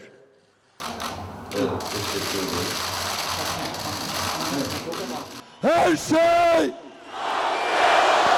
Her şey! Her şey! Oldu, oldu! Oldu! Türk siyasi hayatı açısından unutulmaz bir andı. Zafer Söken haberi izlediniz. Biraz evvel Ankara'daki Berilimizin haberinden bahsederken kardeşimizin kameramanı merak etmiştim. Berkcan Tuğ kardeşim çekmişti o önemli haberi. Bence bütün gazeteci ödüllerini almalı. Beril'in Ankara'da İşkur'un önünde günlerdir hayatın içinden gerçek aktörlerle yapmış olduğu yani birebir vatandaşımız. Hayatın gerçek aktörü onlar.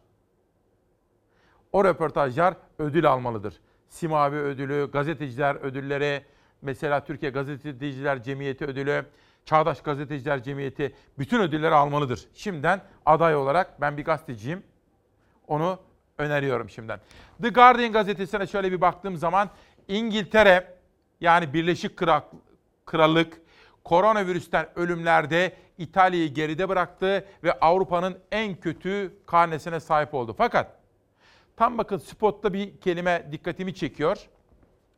Buradaki resmi rakamlar ve bir soruşturma konusu oldu. Neden? Salgının yönetimi konusunda bakın soruşturma. İngiltere işte şimdi bunu tartışıyor. Geçelim Financial Times gazetesine. Şimdi bugün Nihat Özdemir saat 14'te liglerle ilgili bir açıklama yapacak ya. Dün Sağlık Bakanı ile bir toplantı yapmıştı. Güney Kore'de beyzbol başlıyor. Fakat kameraman canlı. Hemen yanındakiler gerçek değil, sanal. Yerleştirme figürler onlar efendim. Artık ne yapsınlar? İşte koronavirüs zamanında başlasa da maçlar böyle oynanacak diyor Financial Times gazetesi. Geçelim bakalım El Mundo gazetesine. Şimdi İspanyolların gazetesinde tam sayfanın ortasında Fransızların devlet lideri var. Macron. Macron yoğun bir yaylım ateşi altında. Sebebi şu okulların açılması konusunda direniyor. Daha doğrusu dayatma yapıyor okulları açma konusunda ve o da Macron'u hedef tahtasına oturtuyor. Çocuklar okula güvenli gidebilecekler mi diye soruyor El Mundo gazetesi. Geçelim Le Monde gazetesine. Le Monde gazetesinin gündeminde okullar var ve okullar onca zorluk ve karışıklıkla yeniden açılmaya zorlanıyor diyor Le Monde gazetesi. Almanya'ya geçelim Fransa'dan. Bir tablo. Tabloya şöyle dikkatle bir bakarsanız bu tablonun yeniden gerçek olup olmayacağını bırak gitsin başlığı ile bu kısıtlamalar gevşetilirken acaba yeniden sosyal hayat böylesine canlı, pastoral renklere bürünecek mi diye bir soru The Welt gazetesinde. Bu vesileyle başta Almanya ve Belçika, Hollanda olmak üzere gurbetçilerimizi de sevgiyle selamlıyoruz. Sırada dünyadan bir haber var. Dönüşte sürpriz iki konuğum sizlerle buluşacak burada.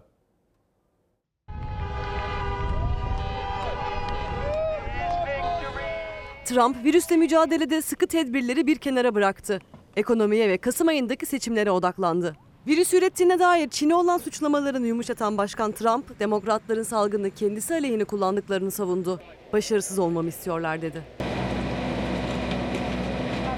Amerika'da salgın tüm gücüyle sürüyor. Bir günde 2000'e yakın yaşanan can kayıpları toplam kayıpları 70 bine tırmandırdı. Ancak ülkenin ekonomisi eyaletlerin daha fazla kapalı kalmasına izin vermiyor. Amerika'da halk isyanda, valiler baskı altında. Trump ise her fırsatta Amerikan ekonomisinin gücüne vurgu yapıyor. Demokratları hedef gösteriyor. Çünkü seçimlere 6 ay kaldı. Greatest economy we've ever had. Best employment numbers, Başkan Trump salgın nedeniyle ara verdiği seyahatlerine tekrar başladı. İlk durağı Arizona oldu. Yola çıkmadan önce basının sorularını yanıtlayan Trump demokratlara yüklendi. Demokratları salgını seçimlerde bir koz olarak kullanmakla suçladı. Because they don't want us to succeed. They want us to fail so, they can win. Çin ve Dünya Sağlık Örgütü Amerika tarafından virüsü dünyaya yaymakla suçlandı. Önce Amerika İç Güvenlik Bakanlığı hazırladığı raporda Dünya Sağlık Örgütü'nün virüsten haberi yoktu dedi. Ardından Trump Çin'e olan sert ithamlarını yumuşattı. Virüs üretildi demekten vazgeçti ancak Çin'i virüs hakkında bilgi vermemekle suçladı. China should have informed us that they had a problem. Amerika'da artık hemen hemen her eyalette tedbirler gevşetiliyor. Arizona'da bir mask üretim fabrikasını gezen Trump, ekonomik faaliyetlere dönüşün önemine vurgu yaptı. Eyaletlerdeki sıkı tedbirlerin gevşemesiyle daha fazla can kaybının yaşanacağına dikkat çekti. Sosyal mesafe ve hijyen kuralına uymanın önemini hatırlattı. Evet bu da bir Beyza Gözeyik haberiydi efendim. 6 Mayıs 2020 günlerden çarşamba İsmail Küçükkaya Demokrasi Meydanı'nda iki konuğum var. Tabii tokalaşamadık, sarılamadık. Sosyal mesafeye dikkat ettik. Bir tanesi sizin aşina olduğunuz bir isim. Sözcü Gazetesi'nin yazarı, çok konuşulan bir yazarı Aytuç Erkin. Son zamanlarda başka kanallarda da seni görmeye başladık. Güzel. Evet, daha böyle iktidara yakın medyada Olsun. o- orada Yakın, konuşmaya, uzak, fikirlerimizi her yerde Olsun. anlatmaya devam ediyoruz. Demokrasi, herkes birbirini Tabii, dinlemeye tabii, tabii. hazır olsun. Tabii. Bundan memnun oluyorum. Ee, hepimiz yani artık basın konusunda yani e, sadece İsmail Küçükkaya bizim sesimiz olmasın, her yer olsun Bravo. ki konuşalım. Çok- çok yani çünkü oluyorum. siz bizi Evet. çıkarıyordunuz. Evet. Ee, Şimdi buradayız. Teşekkürler. Şimdi ancak burada ilk tabii sesini hatırlayacaksınız belki ama ben susayım da kendisini tanıtsın. Bir hukukçu var ama barışların avukatı. Buyurun sizi tanıtır mısınız kendinizi? Merhabalar, avukat Serkan Günel. Ee, Ergenekon davalarından itibaren Barışların avukatlığını yapıyorduk. Ee, bu ikinci dalga diyebileceğimiz e, davalarda da yine avukatlığını yürütmekteyiz. Tamam. Şimdi bugün Aytunç Erken'in köşesinde bir fotoğraf dikkatimi çekti. Şimdi buradan böyle tam anlaşılmıyor. Aslında Hı. Metin abi bunu okumuş olsa Aytunç bir şey söyleyecek. Bunu kocaman açardı biliyor musun? Belki yoğundur ya tabii çok yoğun. Şimdi ne- neden öyle söylüyorum? İnternette gördüm. Çok etkileyici bir fotoğraftı bu. Soner Yalçın'la Barış Pehlivan 2011 yılı. Sabah ben tabii 5'te bunu internette okuyunca kocaman orada gördüm. Şimdi tabii köşe yazısında da imkanı da sınırlı tabii. Evet, evet. Ama şimdi 2011'de önce onu bir hatırlatır mısınız ya? Şimdi Barışlar o zaman niye cezaevine girmişti? Çok basit. Ee, bildiğiniz gibi bir FETÖ düzeni söz konusuydu. Ee, burada e, daha önceki bizim dijital deliller dediğimiz durumları aynı şekilde FETÖ bu sefer barışların bilgisayarlarına virüs yoluyla bir kısım deliller yükleyerek başardı. Ee, evlerinden ve iş yerinden alınan bilgisayarlarda aklı hayale gelmeyecek saçmalıklarla işte bu kitabı ona yazdır, işte Yalçın Küçük'e söyle, e, işte e, Sabri Uzun'la görüşsün falan gibi bir takım hayal ürünü şeyler bilgisayarlara virüs yoluyla yüklendi ve biz bunlardan yargılandık 2011 yılında. Tamam. Yani buna ekleme yapalım Lütfen, aslında. lütfen. Ee, Çünkü orada sen da hep bunun mit var. kitaplarını Orada yazıyorsun. da mit var. Tabii. Hani Kaşif Kozinoğlu'nun yönlendirmesi, onun verdiği belgeler, Soner Yalçın'la irtibat kurduğu, hani 2011'de aslında yaşadıkları barışların, Soner Evet. Yalçınların bugün 2029 yıl sonra aynı e, yere doğru Şimdi gidiyor. şunu bir anlatmama izin verin. Şimdi bu konuya değineceğim ama önce bugünkü yazınla ilgili çok konuşuluyor. Bir soru sormak istiyorum sana. Sevgili Çalar Saat ailesi artık birbirimizi iyi tanıyoruz. Ben 7 sabah, 7 yıldır her sabah 3 saatten fazla sizlerleyim. İçimiz dışımız bir. Şimdi gazeteciler de tutuklanabilir mi? Tutuklanabilir. Hata yapar mı? Yapar. Suç işler mi? İstemem ama işleyebilir. Fakat evrensel hukuk kurallarına göre tutuksuz yargılama is- gereklidir. Tutuksuz yargılama esastır. Ve tutuklu yargılama bir istisnadır. Yani hukukçuya soracağım bunu ama her türlü her şey yapılır yapılır yapılır en son tutuklama olur. Doğru değil mi? Bunu bir anlatır Kesinlikle. mısınız? İsmail Bey çok doğru bir noktaya parmak bastınız. Gazetecilik, gazeteciler de yargılanabilir. Gazeteciler de Evet. bir suç işlediyse tutuklanabilir. Ancak bir nokta var. Gazetecilik yargılanamaz. Gazetecilik dediğimiz şey nedir? Basın özgürlüğüdür, ifade özgürlüğüdür ve her şeyden önce kamuoyunun haber alma özgürlüğüdür. Burada iki tane istisna var. Avrupa İnsan Hakları Mahkemesi kararlarında da buna değinilir. Bir, şiddete çağrı. iki nefret söylemi. Bu ikisini işlemediyse eğer gazeteci beyanlarında, haberinde, gazetesinde yargılanamaz yaptığı haberdir. Yaptığı gazeteciliktir. Bakın Ahim şöyle diyor. Şok edebilir. Belli bir özellikle devlet e, erkanını bir şekilde e, ortaya da çıkartabilir. Onları bir şekilde hedef de gösterebilir. Yeter ki nefret söylemi olmasın. Yeter ki şiddet söylemi olmasın. Mesela gazetecinin bu yaptığı hatalar Soner Yalçın şöyle yazar ki kendisiyle ilgili geçmişte o cezaevindeyken yazanlarla ilgili bile şöyle dedi. Bu dedi hapislik bir suç değil. Hayır biz onu ayıplayacağız. Kendi cemiyetimizde gazetecilik dünyasında bu ayıplı bir gazetecilik diyeceğiz dedi. O de, o zaman yaşayamaz dedi. Şimdi ben Aytunç'a bir soru sormak Buyurun. istiyorum. Aytunç şimdi bu darbe tartışması geldi. Ya. Başladı. Bu nereden başladı? İnan bak ben anlayamıyorum. Hatta dün editörüme de sordum Zera'ya, danışmanıma da sordum Nihal'e. Ya dedim ki ben bir şey mi kaçırdım? Ne oldu? Şimdi bugün sen Sözcü'deki yazında darbe iddialarının perde arkasında ne var diyorsun? Evet.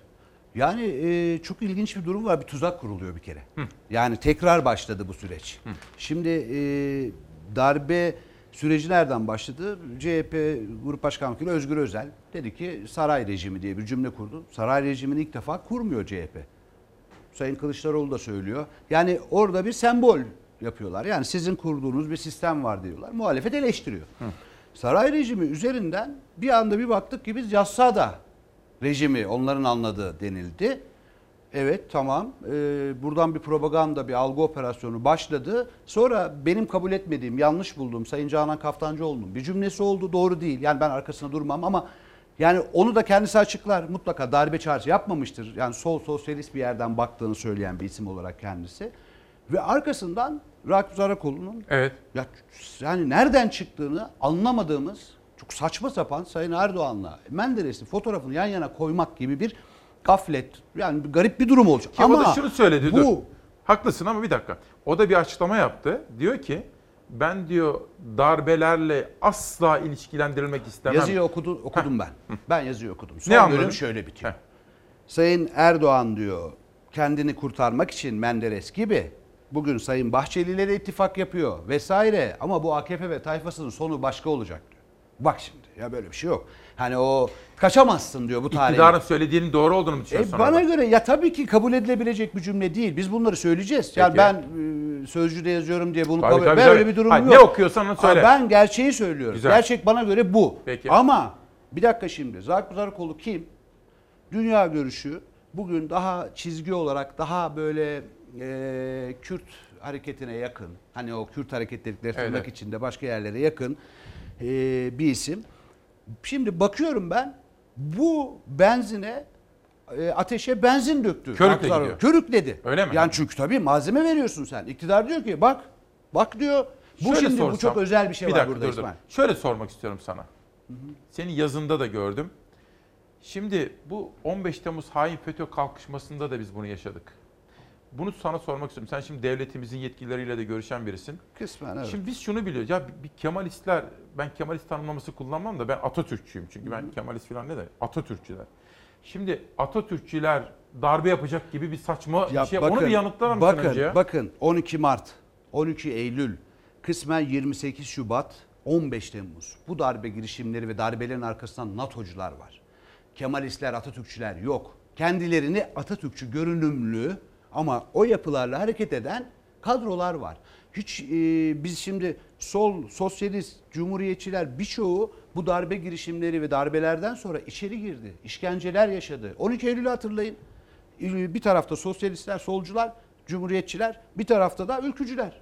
Atıldılar içeri. Kim seyretti? Bugünün anlı şanlı tarikatları, cemaatleri 12 Eylül darbesine destek vermedi mi? Şimdi bunlar tarih yazıyor. Her şeyi görüyoruz. Bunların manşetleri de ortada değil miydi? Bugün Deniz Gezmişler'in ölüm yıl dönümü değil mi? Evet. O çocuklar bağımsız Türkiye'de Tam bağımsız yürürken Türkiye. kim bunların üzerine kanlı pazarları yaptı? Ben mi yaptım? Bu işin içinde Yani ben şunu söylemeye var? çalışıyorum. Siyah mı bu işler? Yine siyah Yani mı e, tezgahları? Ne ya yapıyor? şimdi bakın toptancılık yapmaya gerek yok ama e, iktidar darbe girişimlerini arıyorsa perde arkasında. Rand Corporation raporuna baksın. Bundan 3-4 ay önce yeni çıkmış Washington Yakın Doğu Enstitüsü'nün raporuna baksın. Kendisiyle kimin uğraştığını görsün. Oda TV'yi kapatıyorsun. Fethullahçılar seviniyor, PKK'lılar seviniyor. Bak yani ne oluyor? 15 Temmuz'da Fethullahçılarla mücadele etmiş kadrolara tasfiye etmeye başlıyorsun. Soner Yalçın'a engellemeye çalışıyorsun. Barış Terkoğulları Oda içeri TV şu anda kapalı mı? Kapalı. Oda TV kapalı. Kapalı Bunu şimdi? Ya bir görelim onları. Ee, Oda başka TV'nin başka mesela başka bir isim Oda TV 4.com diye gidiyor. Hani oradan Ama? Ha. yani hiçbir ihbarda bulunulmadan ben şimdi yakından tanıyorum. Soner Yalçın bizim gazeteci büyüğümüz görüşüyoruz. Barış Terkoğullar bizim çok yakın arkadaşlarımız. Hiç şeyi anlamıyorum ya. Neden kapatıldı? Aytunç şunu anlamıyorum. Şimdi Barış ve Soner Yalçın ve Oda TV Şimdi mesela hükümete bu emperyalizmle mücadelesinde, FETÖ'yle mücadelesinde, PKK ile mücadelesinde destek de veriyor. Yani orada ne kırılıyor da o, mesela Barışlar neden içeride? Bunu size Evet. soracağım ama. Burada Barışların içeride olması nedeni bu. Nedir o? Metastas. Barış- Ha, Metastas kitabı. Bu. Bu kitap Barış Terkoğlu'nun ve Barış Pehlivan'ın rahatsızlık duyduğu birileri. Ama dedi ki onlar bir 15 Temmuz daha yaşanmasın. Mesele buydu. Yani şimdi sen bu çocukları e, alırsan Fethullahçılar cirit atar. Silivri'de kimlerle karşı karşıya geliyor onlar şimdi? Gazeteci mi oradaki FETÖ'cüler? Hayır. Bir örgütün elemanı. Barışlar kim? Bir örgütün elemanı. Barışlar da örgütün elemanı ama o gazetecilik örgütünün elemanı. Peki. Bir şey soracağım. Şimdi ha, önce şu bilgiyi vereyim. Bugün tabii ben her sabah gazeteleri okurken aynı zamanda yazarlardan da alıntılar yapıyorum. İşte sabah da Aytunç'un yazısından alıntı yapmıştım. Bir de bugün yine çok konuşulacağını düşündüm. Nedim Şener bir yazı yazmış. Şimdi Ahmet Şık'la ilgili bir yazı. Tabii onlar FETÖ kumpasıyla cezaevinde yattılar ve koğuş arkadaşlığı yapmışlardı. Fakat Nedim Şener çok net bir şekilde Ahmet Şık'la aslında ayrı dünyalara ait olduklarını böyle yazmış. Yer yer çok sert aslında ifadeleri de var ama o da böyle bir yazı yazma gereği duymuş bugün. Ben diyor Ahmet Şık'la başka dünyaların insanıyım diyor. Onu da medya not olarak söyleyelim. Şimdi siz şu, önce şunu, şunu soracağım. Şimdi Barışlar içeride. Barış Pehlivan ve Barış Terkoğlu. Hülya Kılınç. Heh. Murat Ağırel. Murat Arel. Peki siz onların avukatlığını yapmıyorsunuz değil mi? Murat'ın mesela yapıyor musunuz? Nasıl? Şöyle bir şey var. Aynı Oda TV'nin 2011 yılındaki operasyonundaki gibi aslında biz buna beş benzemezi bir araya getirmek diyoruz. Orada da Ahmet Şık, Nedim Şener farklı görüşlere sahip. Hanefi Avcı, bakın Hanefi Avcı'yı da orada aynı örgütmüş gibi göstermeye çalışmışlardı. Yalçın Küçük bunu şöyle dillendirmişti. Hanefi Avcı beni içeri attırmak için elinden geleni ardına koymayan bir polisti. Ben şu an burada onunla beraber yargılanıyorum. Şimdi burada da bir bakıyoruz Yeni Yaşam gazetecisi e, kişiler var, gazeteciler var. Erk Acarer var. Bir yerde e, Hülya Kılınç var bizim yerel muhabirimiz. Bir yerde Yeni Çağ gazetesi yazarı Murat Arel var. Kokteyl örgütü. Şimdi burada Yani gene- bu aslında es- eskiden FETÖ bunları yapıyordu değil mi? Evet, FETÖ çünkü maalesef. böyle Ergenekon Maalesef. zamanlarında aşırı. Ama bir şey söyleyeceğim. Şimdi ben tabii hukukçu değilim. Ama bir 30 yıla yaklaşan bir gazeteciliğim var. Okuduğumda tabii bu arkadaşlarım da bir hata yapmışlar. Fakat hukukçulara sordum. İlkay Sezer'e sordum, başka hukukçulara sordum. İsmail dedi, hani biz deriz ya dedi, bu hata bile olsa yatarı yok bunun dedi. Ya onu bir anlatır mısınız? Yani Çok- şimdi çok. MIT'le ilgili ben detaya girmeyeyim ama siz de o suç kapsamına hiçbir şekilde girmeden, hukuki sürece de müdahale etmeden ama o nesnel olarak onu bir anlatın. Yok biz zaten şu an iddianameyi bilmiyoruz. Ama nereden biliyoruz? Aynı 2011'deki süreçte tarafta yayınlanıyordu. Şimdi başka gazetelerde yayınlanıyor. Şimdi iddianameden notlar aldım. Nasıl aldım? Gazetelerde yer alan bilgilerle aldım. Şimdi diyorlar ki bir MIT'in suç duyurusu üzerine başlayan bir süreç var. Şimdi bizim e, yazımız, haber e, haberimiz Oda TV'de 3 Mart'ta yayınlandı. Barış Terkoğlu ne zaman gözaltına alınıyor? 4 Mart saat 4'te. Ben MIT ne zaman suç duyurusu yaptı? Barış Terkoğlu'nun gözaltına alınması ne zaman karar verildi merak ediyorum. Bir bu. İki. Aynen, diyor ki o gün olabilir. Şimdi haber Yok. 3 Mart'ta diyorsun. Hayır, hayır. haber öyle bir 3 şey Mart olmadı. akşamı. Hayır, hayır, haber 3 Mart akşamı yayınlandı. A- Evet olmadı öyle bir şey. Onu Serkan ekleyelim hemen.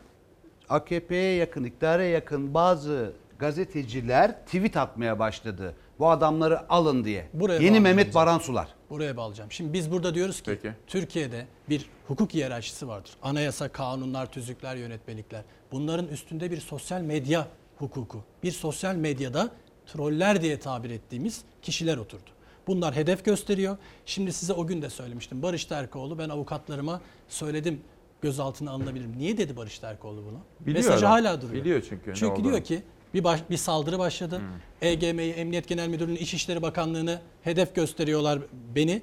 Beni muhtemelen gözaltına alırlar. Peki burada ne diyor başka? Suç bir plan dahilinde organize şekilde gerçekleştirilmiştir. Bunu da malum ba- bazı gazetelerden duyduk. Bu neyin planı olabilir? Şimdi Murat Arel'i ele alalım. Murat Arel e, yanılmıyorsam 22 Şubat ya da 24 Şubat'ta ilk olarak bir tweet attı konuyla ilgili. Tweet önümüzde diyor ki cenazesi dahi yapılmadı Shadid'in. Şimdi Murat Arel böyle yazıyor. O da TV'deki haberde ne var? Cenaze görüntülerine ulaşıldı. Cenazesi bu şekilde yapıldı. Bu nasıl bir plan? Daha birbirlerinden haberi yok. Diğer yerde Yeni Yaşam gazetecileri tanımıyorlar. Murat Arel ilk defa orada gördüğünü ifade ediyor. Erk Acerer zaten yurt dışında Bir şey yaşıyormuş. Hiç tanımıyor. Bu haber ka, bizim yasalarımıza göre suç ise mesela diyelim suçlu oldular. Yani bir yanlış yaptılar. Bunun cezası ne ve yatarı Şimdi ne? şöyle söyleyeyim. Öncelikle suç mu değil mi? Tabii Siz herkes masumdur onu bilemem ama savcı hata, var, hata siz varsınız, kısmından ilerlediniz. hakim. Ben hata kısmını hukuki olarak Bilmiyorum. değil, habercilik bakımından değerlendirdiğinizi düşünüyorum. Ben olsam yapmazdım gibi böyle bir haber. Ben tam olarak şunu söyleyeyim. Burada bir suç yok İsmail Bey. Çok açık söylüyoruz. Şimdi biz sözlü gözaltı sonrası neyle suçlandığımızı 14 saat sonra öğrendik. MIT Kanunu 27. MIT Kanunu 27 çok açık. Diyor ki birinci maddesinde bilgi ve belgeleri yetkisiz olarak alma temin etme. Biz buradan yargılanmıyoruz. İkincisi ne diyor? İkinci fıkra MIT mensubu ve ailelerine ilişkin bilgileri ifşa etmek. Bir de üçüncü fıkra var. Bunun basın ve yayın yoluyla yaptırması. Yani arttırıcı sebep. Şimdi biz suçlandığımız konu ifşa etmek. Efendim ifşanın sözlükteki anlamı çok açık. İfşa gizli bir bel bilgiyi açıklamak. Bu bilgi gizli mi? Bu bilgi gizli değil. Ümit Özdağ basın açıklaması yapıyor mecliste. Şehitlerimizin ismini veriyor, soyadını veriyor. Bu şehitler Libya'da, şimdi burada ne var biliyorsunuz Cumhurbaşkanımız diyor ki Libya'da birkaç şehidimiz var. Bundan sonra kamuoyu burada bir ilgi çekiyor. Diyor ki kim? Kim bunlar? Bir şehidimiz var. Barış Pehlivan, Hülya Kılınç. Bunlar diyor ki burada halk bunu merak ediyor. Bir şey bir soracağım. habercilik Bir refleksi şey gösteriyor. Ee, bu haberlerde ismi gizli olan ve gizli tutulması gereken MIT mensuplarının isimleri, adresleri ifşa ediliyor mu? Asla. Asla. Edilmiyor mu? Daha önce isim ve soyadı milletvekili Ümit Özdağ tarafından verilmiş kişinin soyadı gizlenerek bu haber yapılıyor. Daha önce kamuoyunda yer alan şehidimizin diyor kısaltıyor. Ben şimdi burada tekrar vermeyeyim. İsim soyadını kısaltıyor. Tek baş harflerini veriyor. Siz burada vermeyin de ama. Bu Yok. kişinin bu kişinin diyor cenaze e, görüntülerine ulaştık. Ama aslında cenaze görüntülerinde de bir şey yok. Şimdi gene basında Hayır, yer alan Taner Yalçın şunu yazmıştı. Bizim MIT'imiz yani devletimizin MIT'i oraya çelenk göndermiş. MIT başkanlığı diye değil mi? Evet. Bu doğru mu? Efendim Müsteşar Yardımcısı Cevat Öneş çok yakınlarda bir açıklama yaptı. MİT Müsteşar eski yardımcısı Cevat Öneş dedi ki MİT bu tip cenazelerde gereken önlemi almak zorundadır. Burada bir zaaf var. Burada bir ihmal var. Bu ihmali gazetecilere yükleyemezsiniz. Aytunç bunu bu evet. Bunu sen nasıl yorumluyorsun peki? Ya ben haber doğru mu yanlış mı buraları geçelim. Gazeteci sahikiyle yapılmış, heyecanla yapılmış bir haber bu. Benim Barışlar- ya ne oldu ki? olabilir. Bi- Bilemem ki olabilir. Yani Ya- her gün gazete hepimiz yapıyoruz. Yapıyoruz. Hı. Burada bir sıkıntı yok. Şimdi bakın e, Serkan Günel çok doğru bir noktaya ve esas noktalardan birine e, temas etti. Şimdi ilk olarak e, bu arkadaşlarımız e, planlı ve organize bir eylemin içine girdikleri söylendi. Karşı istihbarat olarak suçlandılar. Yani nasıl? E, MIT'in içinde bir grup var. Bu grup sızdırıyor. Bunu Ha, araştır. öyle- Tabii öyle mi? şimdi Hı. biz bu iktidara yakın medyada bunu gördük. Bunlar yazılıyor. Bana da bir takım savcı arkadaşlarımızdan, dostlarımızdan mesajlar bu yönde gelmeye başladı. Hani bize de dedi ki aman girmeyin mesajı. Hani sizin dostlarınız ama onu onu alıyoruz, algılıyoruz yani. Ben de diyorum ki bu görüntülerin kaynağı çıktı ortaya. Bunu da biz nereden öğrendik? İktidara yakın medyada iddianame orada olduğu için öğreniyoruz. Diyor ki bu görüntüleri çeken kişi bir belediyenin basın, danışmanı. Evet. Çekmiş görüntüleri de muhabir peşinden koşuyor bu nedir diye diyor. Peki o, o görüntüleri çeken şahıs ifadesi alındı mı? Alındı. Sanık mı? Sanık ama tutuklu mu? Değil. Çünkü zaten doğrusu bu. Tutuklu olmasına gerek yok. Yani bakın bu görüntülerin kaynağı, bu görüntüleri çeken kişi ne MİTçi, ne MİT içinden bir grup. Bakın Ee, Barış Terkoğlu, Barış Pehlivan, Soner Yalçın, Oda TV, bizler bu devletin emperyalizmle mücadelesinde, Libya'sında, Suriye'sinde hiçbir şekilde PKK'ya karşı. PKK'ya karşı, FETÖ, FETÖ'ye karşı FETÖ. ki biz bunları daha önce biz söyledik zaten. Bunu da ısrarla söyleyeceğim. E, Kolalık olarak düşünmesin kimse. E, hiçbir şekilde bu ülkenin menfaatlerinin karşısında bir şey yapmayız. Ama halkın haber alma özgürlüğü var. Peki. Senin dışarıdaki fotoğrafını kim çekti İsmail Küçükkaya? Bir dakika şimdi. Hatırla.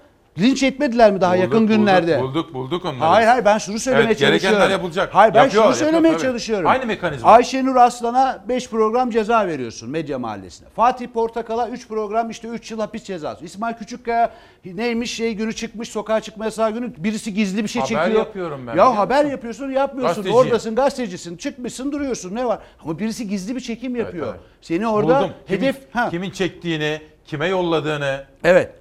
Hedefe koyuyor. Bak başka bir şey daha söyleyeceğim sana İsmail. Onu da öğrendik. burada basın Gereken özgürlüğünü yapılacak. konuştuk. Şunu da söylemek Hukuken. istiyorum. 7-8 aydır Sözcü gazetesine basın ilandan öyle bir baskı var ki 2 milyara yakın ceza çekti. 2 Dava milyona ne oldu yakın. bu arada? Ha? Sözcünün davası ne Sürüyor daha. Yani bizim davalar sürecek. Yani istinaf, yargıtay vesaire. 2 milyon liraya yakın basın ilan kurumundan bize resen yani kendiliğinden suçlamalarla cezalar veriliyor. Avukatımız İsmail Yılmaz bunu açıkladı. Yani bir baskı var. Basının üzerinde müthiş bir baskı var. Şimdi bunları göreceğiz ve arkasından 2011'de yaşadığımız bakın 2011'de haberleri yapanlar 2011'de Oda TV içeri attıran Ergenekon süreçlerinde haberleri yapanlar bugün 2020'de başka gazetelerde veya aynı gazetelerde bu sefer de bizlere hedef alıyorlar. Çok ilginç değil mi? O dönem Zekeriya Özler'den bilgi aldılar. O dönem Zekeriya Özler'le domino oynadılar. O dönem C, Ç- emniyetin C çatı katında Ali Fuat Yılmazer'le toplantılar yaptılar. Seni dinlediler. Uğur Dündar'ı dinlediler. Soner Yalçın'ın peşine düştüler. içeri attırdılar. benim Bu adamların hepsi bugün gazetecilik yapıyor. Serkan Bey, bak izleyenlerin biliyor ama HSK baş müfettişi inceliyordu yasa dışı. İlk bana geldiler. Niye dedim ilk bana geliyorsunuz? Bak orada Uğur Dündar da. Çünkü dedi en uzun süre sizi dinlemişler. Ne kadar dedim? Üç buçuk yıl. Sahte isimlerle. Yok filanca terör örgütü, yok filanca. Farklı farklı uyduruk şeyler. Neyse kendimiz Hayır meselemiz değil. sizle ilgili bakın burada semboller var Üç artık. buçuk yıl telefon dinliyorlar, ne- yasa e. Ben şunu söylemeye çalıştım İsmail Küçükkaya. Bugün Barışların haberlerini yazanlar hani onları hedef alıp yazanların hepsi bir dönem aynı Ergenekon'da Oda TV davalarında aynı haberleri yapan kişiler. Kaşif Kozinoğlu'nun görüntülerini kim yayınladı? Kim o isimleri verdi? Boy boy fotoğrafları burada görmedik mi biz? Yani 2010 hatırlayın o Afganistan'dan geldi. O da MİT mensubu değil Başa miydi? bir daha dönebilir miyim? Bir şey daha. N- Net yanıt istiyorum senden. Bu 15 Temmuz hain FETÖ kalkışmasının üzerinden bu kadar şey yaşadık. Bugün Mayıs ayının 2020'si. Evet. Bir darbe ihtimali var mı? Ee, Cumhuriyetçilerden, Atatürkçülerden, Kemalistlerden gelecek bir darbe ihtimali yok. NATO'dan gelebilecek bir darbe ihtimali işbirlikçileriyle var. Her zaman olmuştur. Uyanık olmamız gereken nokta budur. Bakın bir şey daha veriyorum. Bir bilgidir bu. Bu ülkenin şu Çok anda. FETÖ'yle mücadele eden amirallerine, komutanlarıyla ilgili bazı yerlerden telefonlar açılıp gazetelere işte bunlar ulusalcı, bak bunlar darbe yapacak, bunları parlatmayın, bu adamlar size zarar verecek, bizlere zarar verecek diye telefonlar açılıyor. Bunları biz duyuyoruz. Bu medya mensuplarını arayanları da az çok biliniyor ve bu kişilerin, bu kişilerin devletin o amirallerinin, devletin o ıı, koca koca generallerinin telefonlarını dinlediklerine dair ihbarlar var. Çok karışık. E, bu dönem, bu dönem daha. Vay, vay, Şimdi vay. e, kafamız şu anda bizim İnanmak çok karışık. istemem. Abi ben de inanmak istiyorum. İddialardan biri ama şunu biliyoruz. Medyayı arayanların olduğunu, ulusalcılar darbe yapacak tırnak içinde söylüyorum. Amerikan kaynaklı. Hatırlayın o manşetleri kiminlerin attığını da biliyoruz biz. iki yıldır var bu süreç. O yüzden iktidarın uyanık olması gerekiyor. Yani darbeyi, darbe girişimini 15 Temmuz'dan sonra Sayın Ama Binali şey Yıldırım ne dedi? Hulusi Akar var ama artık yani Hulusi Akar... Hayır izin kadar- vermez. Bakın bak bakın. Evet. Sayın Hulusi Akar da izin vermez. Bahçeli Sayın çok- Erdoğan Ha. vermez. Sayın Bahç ama birileri bu tuzağa böyle düşürüp seni, beni, Barışları, Serkanları, Ha. Sonerleri, Aytunçları Dur. hedefe alıyor. Dur. Geçmişte ne yaptılar? Geçmişte Erdoğan'ı öldürecekler diyerek FETÖ'nün yaymış olduğu o yalan- 22 ihbar. Seni öldürecekler Ne diye. yapıyorlar? Bir, bir algı yaratıyorlar ve yaratıyorlar. tasfiyeye başlıyor. Burada da böyle bir sıkıntı var. Anladım. Bu da uyanık olmamız gerekiyor. Peki. Yoksa MİT şehidi bizim şehidimiz ya. Olur mu böyle şey? Bunun tartışması mı var? Peki. Çok teşekkür ediyorum. Müthiş net oldu. Çok sağ ol. Şimdi bugün gelinen noktada bu tutuklu gazeteci arkadaşlarımız için ne bekliyorsunuz? Devlet, yargı dünyasından yani süreç nasıl olacak onu bir çok, anlatın. Çok çok açık. Şu anda iddianamenin yazıldığını yine basından öğreniyoruz. Ee, İstanbul 34. Ağır Ceza Mahkemesi'ne gönderilmiş. Onun önünde 15 günlük bir süre var. İşte önümüzdeki hafta dolacak ama bu 15 günün sonuna kadar kullanmayabilir. Her an kabul edebilir. Önce bir tensip zaptı hazırlayacak. Bu tensip zaptında iddianame ilişkin taleplerini e, bir yerlerden isteyeceği belgeler varsa onları isteyecek ve duruşma tarihi verecek. Bu duruşma tarihini verirken aynı zamanda tutukluluk değerlendirme yapacak mahkeme. Genel işleyiş Siz süreç talepte böyle. bulundunuz mu? Tabii. Biz Tahliye talebinde. Kesinlikle, kesinlikle. Şimdi çok açık bir şey var. Barış Pehlivan için ben e, yine söylüyorum burada bir e, suç yok. Barış Pehlivan için çok detaylı bir e, tahliye talebinde bulunduk. Orada dedik ki bu ilişkin haberler bizim saklayarak hassasiyetle verdiğimiz bilgiler daha önce uluslararası medyada da sosyal medyada da Mecliste açık de, açık mecliste de. mecliste de açık açık yazıldı. Aynı zamanda MİT Kanunu 27 kapsamında bu bir suç değil. Şimdi efendim ne yaptılar üstüne biliyor musunuz? İnfaz Kanunu'nda biliyorsunuz bir düzenleme vardı. Ve İnfaz Kanunu'ndaki düzenlemeye göre MİT Kanunu 27 orada kapsam dışı bırakılmıştı denetimli serbestlikte. Herhangi bir yanlışa düşülüp bir ceza verilse bile bir yatarları, bir infaz e, süreleri yoktu. Dolayısıyla burada bir an önce tahliye edilmeleri gerekiyorken TCK 329'dan da bir suçlama eklediler. Yani bir eylemden iki suçlama çıkarmaya çalıştılar. Peki. Şimdi biz burada 329'a da baktık hemen. TCK 329 çok açık diyor ki devlet sırrı kapsamına alınmış bilgi ve belgeleri açıklamak burada suç. E burada bir devlet sırrı kapsamına alınmış bir bilgi belge yok. Artı yine söylüyoruz bizim açıkladığımız herhangi ama bir şu belge. yok. olamaz mı? Şimdi biz devletimiz e, MIT, MIT'ten birilerini yollamış bir yerlere. Evet. Görevli, devlet görevlisi. Evet. Onu afişe etmememiz gerekiyor diye bir husus olabilir Çok mi? doğru bir noktaya değindiniz. Afişe. Sözlükle gene anlamına bakıyoruz. Tamam. İfşa, İfşa. gizli olan bir bilginin açığa çıkartılması. Burada yok mu? Efendim zaten gizliliği kalkmış. Eğer ki, eğer ki Ümit Özdağ bu açıklamayı yaptığında veyahut size daha önce böyle uyarılar gelmiştir. Bu konuda haber yapılmamasını e, tavsiye ediyoruz diye. Bir tavsiye gelseydi, bir yazılı bildirim, bir haber yasağı gelseydi, Libya ile ilgili konularda haber yasağı gibi bir şey gelseydi bir önlem alınırdı. Başka bir şey daha değinmek istiyorum. Kısaca bitirelim. Çok kısaca Barış Pehlivan'la ilgili diyelim ki e, işin esasına gidip Barış Terkoğlu niye içeride? Barış Terkoğlu Bilmiyormuş bile o. Evet. Ben Bilmiyor, aldığım bilmiyor. bir doğruysa. Bilmiyor Doğru kesinlikle. Sonra bizim gibi gördü. Bizim gibi internet Öyleymiş. sitesinde gördü. Çünkü sorumlu müdür ama tabii ki de bir mesai var. Peki. Saat 5'te bitiyor. Barış Terkoğlu sorumlu müdür olduğu için içeride ama basın kanununda sorumlu müdür var. Peki. 56-51 sayılı internet kanununda sorumlu müdür yok. Dolayısıyla burada amaç Teşekkür üzüm ederim. yemek değil, Peki. bağcıyı dövmek Sağ ol. Aytunç son sözü sana bırakmak istiyorum ama bir Şimdi dakika. ben 329 Bugün, bir dakika. Bugün Hakan Aygün de Bodrum'da hakim karşısına çıkacakmış. Daha doğrusu uzaktan bir ifadesi alınacakmış. Onu da Sevgili Süleyman. yeri Evet. gelmişken söyleyeyim. Evet. Şimdi 329 ile ilgili İsmail Küçükkaya e, devletin güvenliğine ve siyasal yaralarına ilişkin gizli kalması gereken bilgileri açıklamak, istihbarat faaliyetleriyle ilgili bilgi belge belgeleri ifşa etmek denilmiş. Yani casusluğun altına konulan madde 329'da. Bir, şimdi ben bunu sizinle kitapta konuşmuştuk. Dayının casusları burada. Evet. Burada MIT'in içine girmiş Fethullah'ın elemanları İdris Karagöz, Karagöz kardeşler. İdris Ha, Karagöz ifadeleri var, okuduk. Var, okuduk. Okuduk. İdris Karagöz kimliğini Fethullah Gülen'in duayla okuduğu MITçi olduğu zaman kişi yargılanıyor ve deniliyor ki sen örgüt üyesisin artı casusluktan yargılıyorum. Mahkeme şu kararı veriyor. Hayır casusluktan yargılanamazsın diyor. Devletin bilgilerini sen diyor bilgi ve belgelerini ifşa etmedin diyor. Kime diyor bunu? FETÖ'cü bir MIT mensubuna. Yani MITçiye değil aslında. FETÖ örgütünün istihbaratçısına. Yani casusluktan yargılanan yani bu devletin bilgilerini ihbar eden barışlarmış. Fethullahçılar casusluktan yargılanmıyormuş. Ya çelişkiye bakar mısın? Sıkıntı bu. Peki. Biz bunu Toygun Atilla ifşada yazdı. Ben dayının casuslarında yazdım. Barış Terkoğlu Metasaz'da Barış Pehlivan yazdı. Şimdi biz yazmayalım. Tamam biz yazmayalım. Kim yazsın? Ne yazacaklar? Ben şimdi son dakika bilgisi veriyorum. Fethullah Gülen ilk defa askeri ceza mahkemesiyle ilgili bir Kuleli askeri lisede yargılanmaya başlayacak. Bir savcı arkadaşım şu dosyayı yolladı bana. Bir daha söyle. Fethullah Gülen askeri ceza mahkemesinde e, istersen askeri ceza kanunu kapsamındaki suçlar nedeniyle soruşturmaya dahil oluyor. Kuleli askeri seyir soruşturmasında.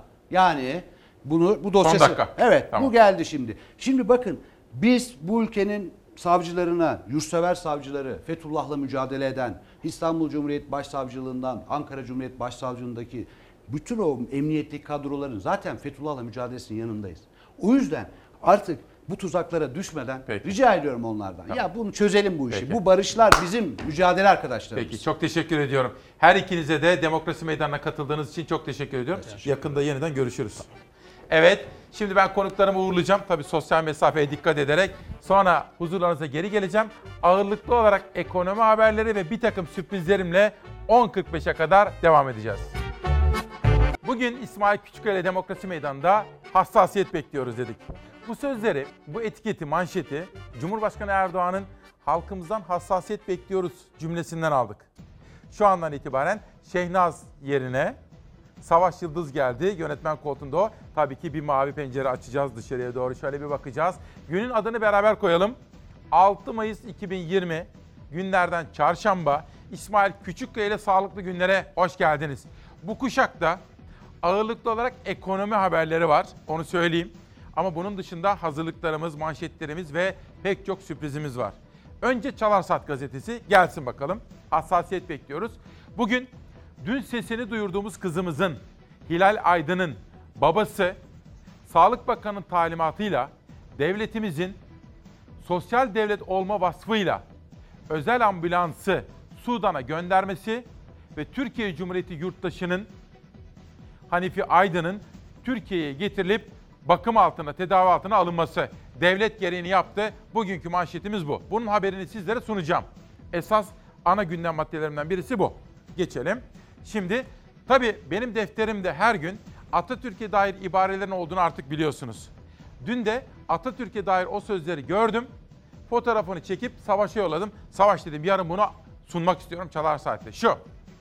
Atamız diyor ki bir millet savaş meydanlarında ne kadar parlak zaferler elde ederse etsin, o zaferlerin yaşayacak sonuçlar vermesi ancak irfan ordusuyla kaimdir. İşte ilim irfan derken hayatta en hakiki mürşitimizin ne olduğunu anlatırken Mustafa Kemal Atatürk'ün sözleri. Bir de öğretmenler diyeceğiz.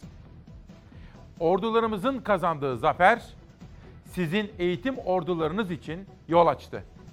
Gerçek zaferi siz öğretmenler kazanacaksınız. Bunu başaracağınızdan kuşkum yoktur. Sarsılmaz bir inançla ben ve arkadaşlarım sizi gözeteceğiz.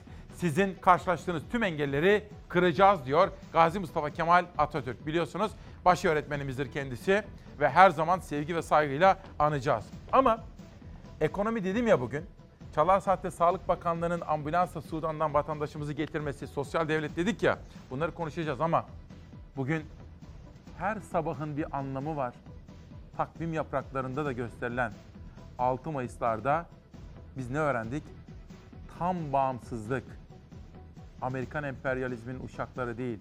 Rus emperyalizminin, Çin emperyalizminin, Avrupa ülkelerinin hayır. Her türlü emperyalist amaç ve emelleri reddeden tam bağımsız Türkiye ülküsüyle hareket eden biz gençler istiyoruz. Ve bugün 6 Mayıs'ta mecliste de iade itibarları yani itibarları iade edilsin denilerek bir önergeyle gündeme geldi. Cumhuriyet Gazetesi'nden sizlere okumuştum. Deniz Gezmiş, Yusuf Aslan ve Hüseyin İnan. 3 fidan, 3 can. Şimdi şunu unutmayın lütfen olur mu? Biz Türk gençlerinden tam bağımsızlık istiyoruz. Atamızın bize emrettiği gibi tam bağımsız Türkiye ülküsüyle hareket etmeleri. Bir mahur beste. Şenlik dağıldı bir acı yel kaldı bahçede yalnız O mahur beste çalar müjganla ben ağlaşırız. Gitti dostlar şölen bitti ne eski heyecan ne hız. Yalnız kederli yalnızlığımızı da sıralı sırasız mahpur beste çalar Müjganla belalaşırız O mahpur beste çalar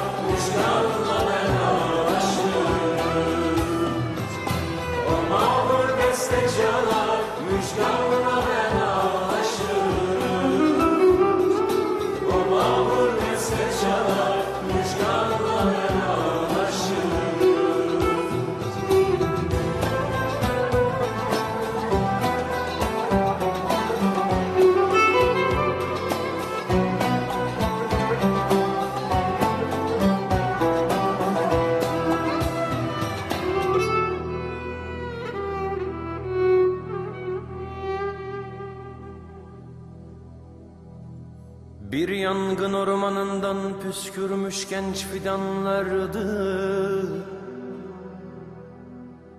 Güneşten ışık yontarlardı sert adamlardı. Hoyrattı gülüşleri aydınlığı çalkalardı. Gittiler akşam olmadan ortalık karardı O mahpur beste çalar müjganla belalaşırız O mahpur beste çalar müjganla belalaşırız O mahpur beste çalar müjganla belalaşırız O mahpur beste çalar müjganla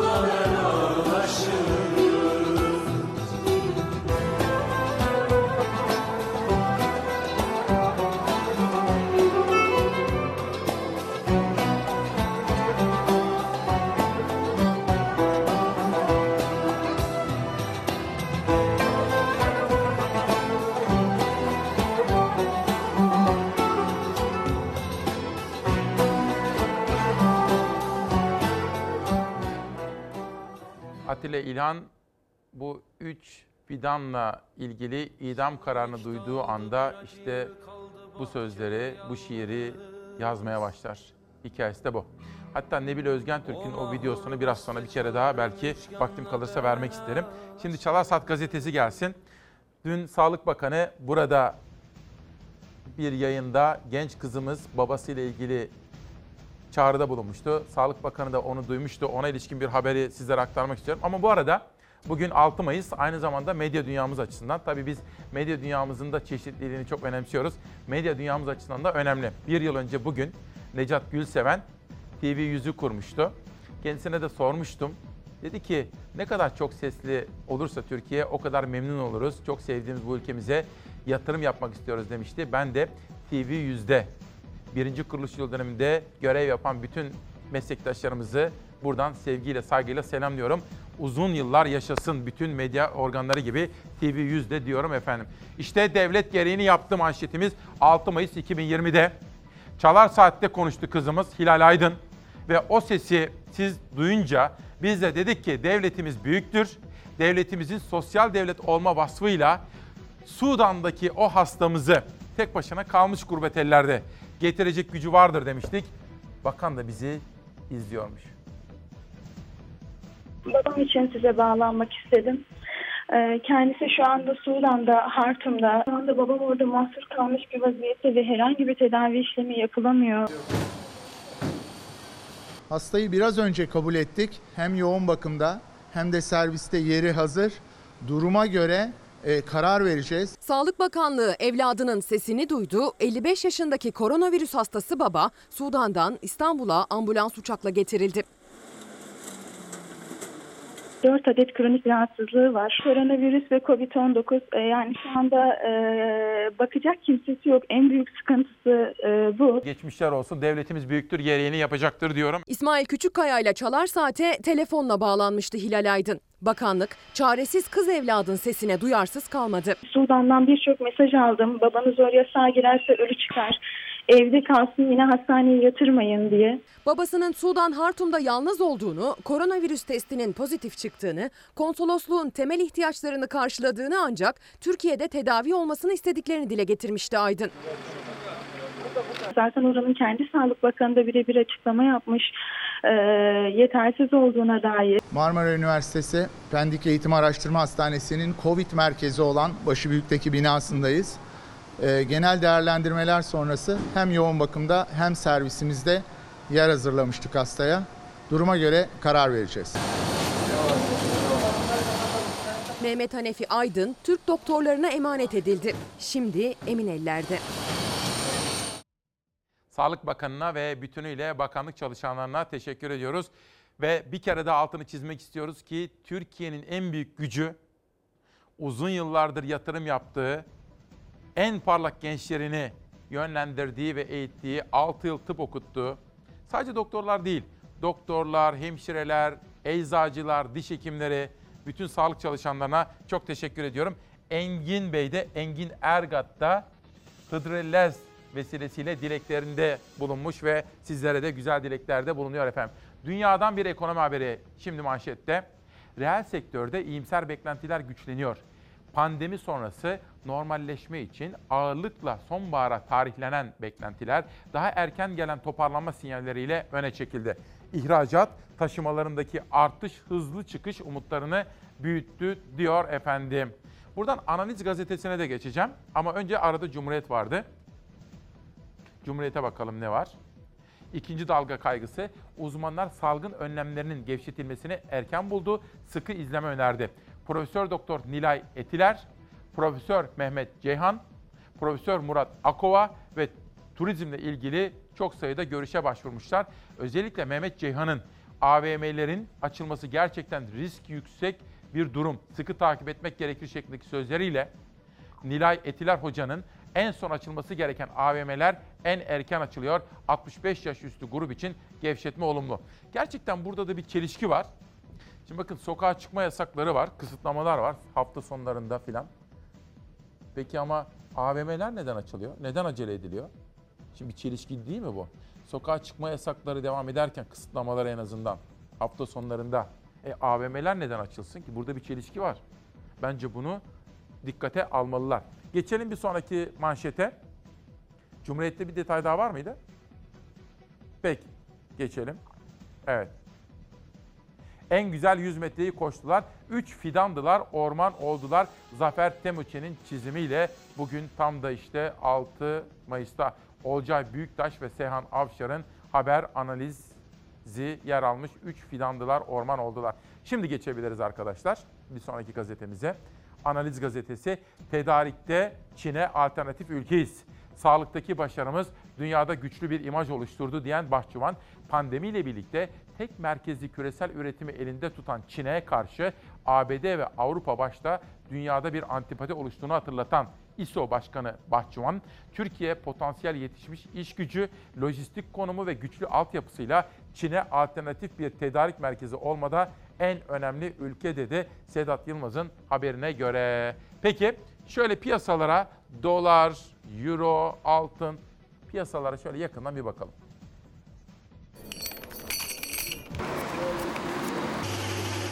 Beklenenden yüksek gelen enflasyon rakamları sonrası dolar yükselişe geçti. 7 lira 8 kuruş seviyesine geldi. Altın fiyatları da yükseldi. Çeyrek altın 635 liraya çıktı. Benzine üst üste iki kez zam geldi.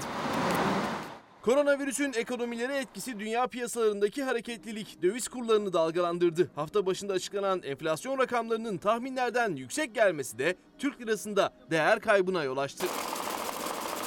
7 lira yaşan dolar yükselişini sürdürdü. 7 lira 10 kuruş seviyelerini test etti. Salı gününü 7 lira 8 kuruşla kapattı. Çarşamba gününe de aynı düzeyde başladı.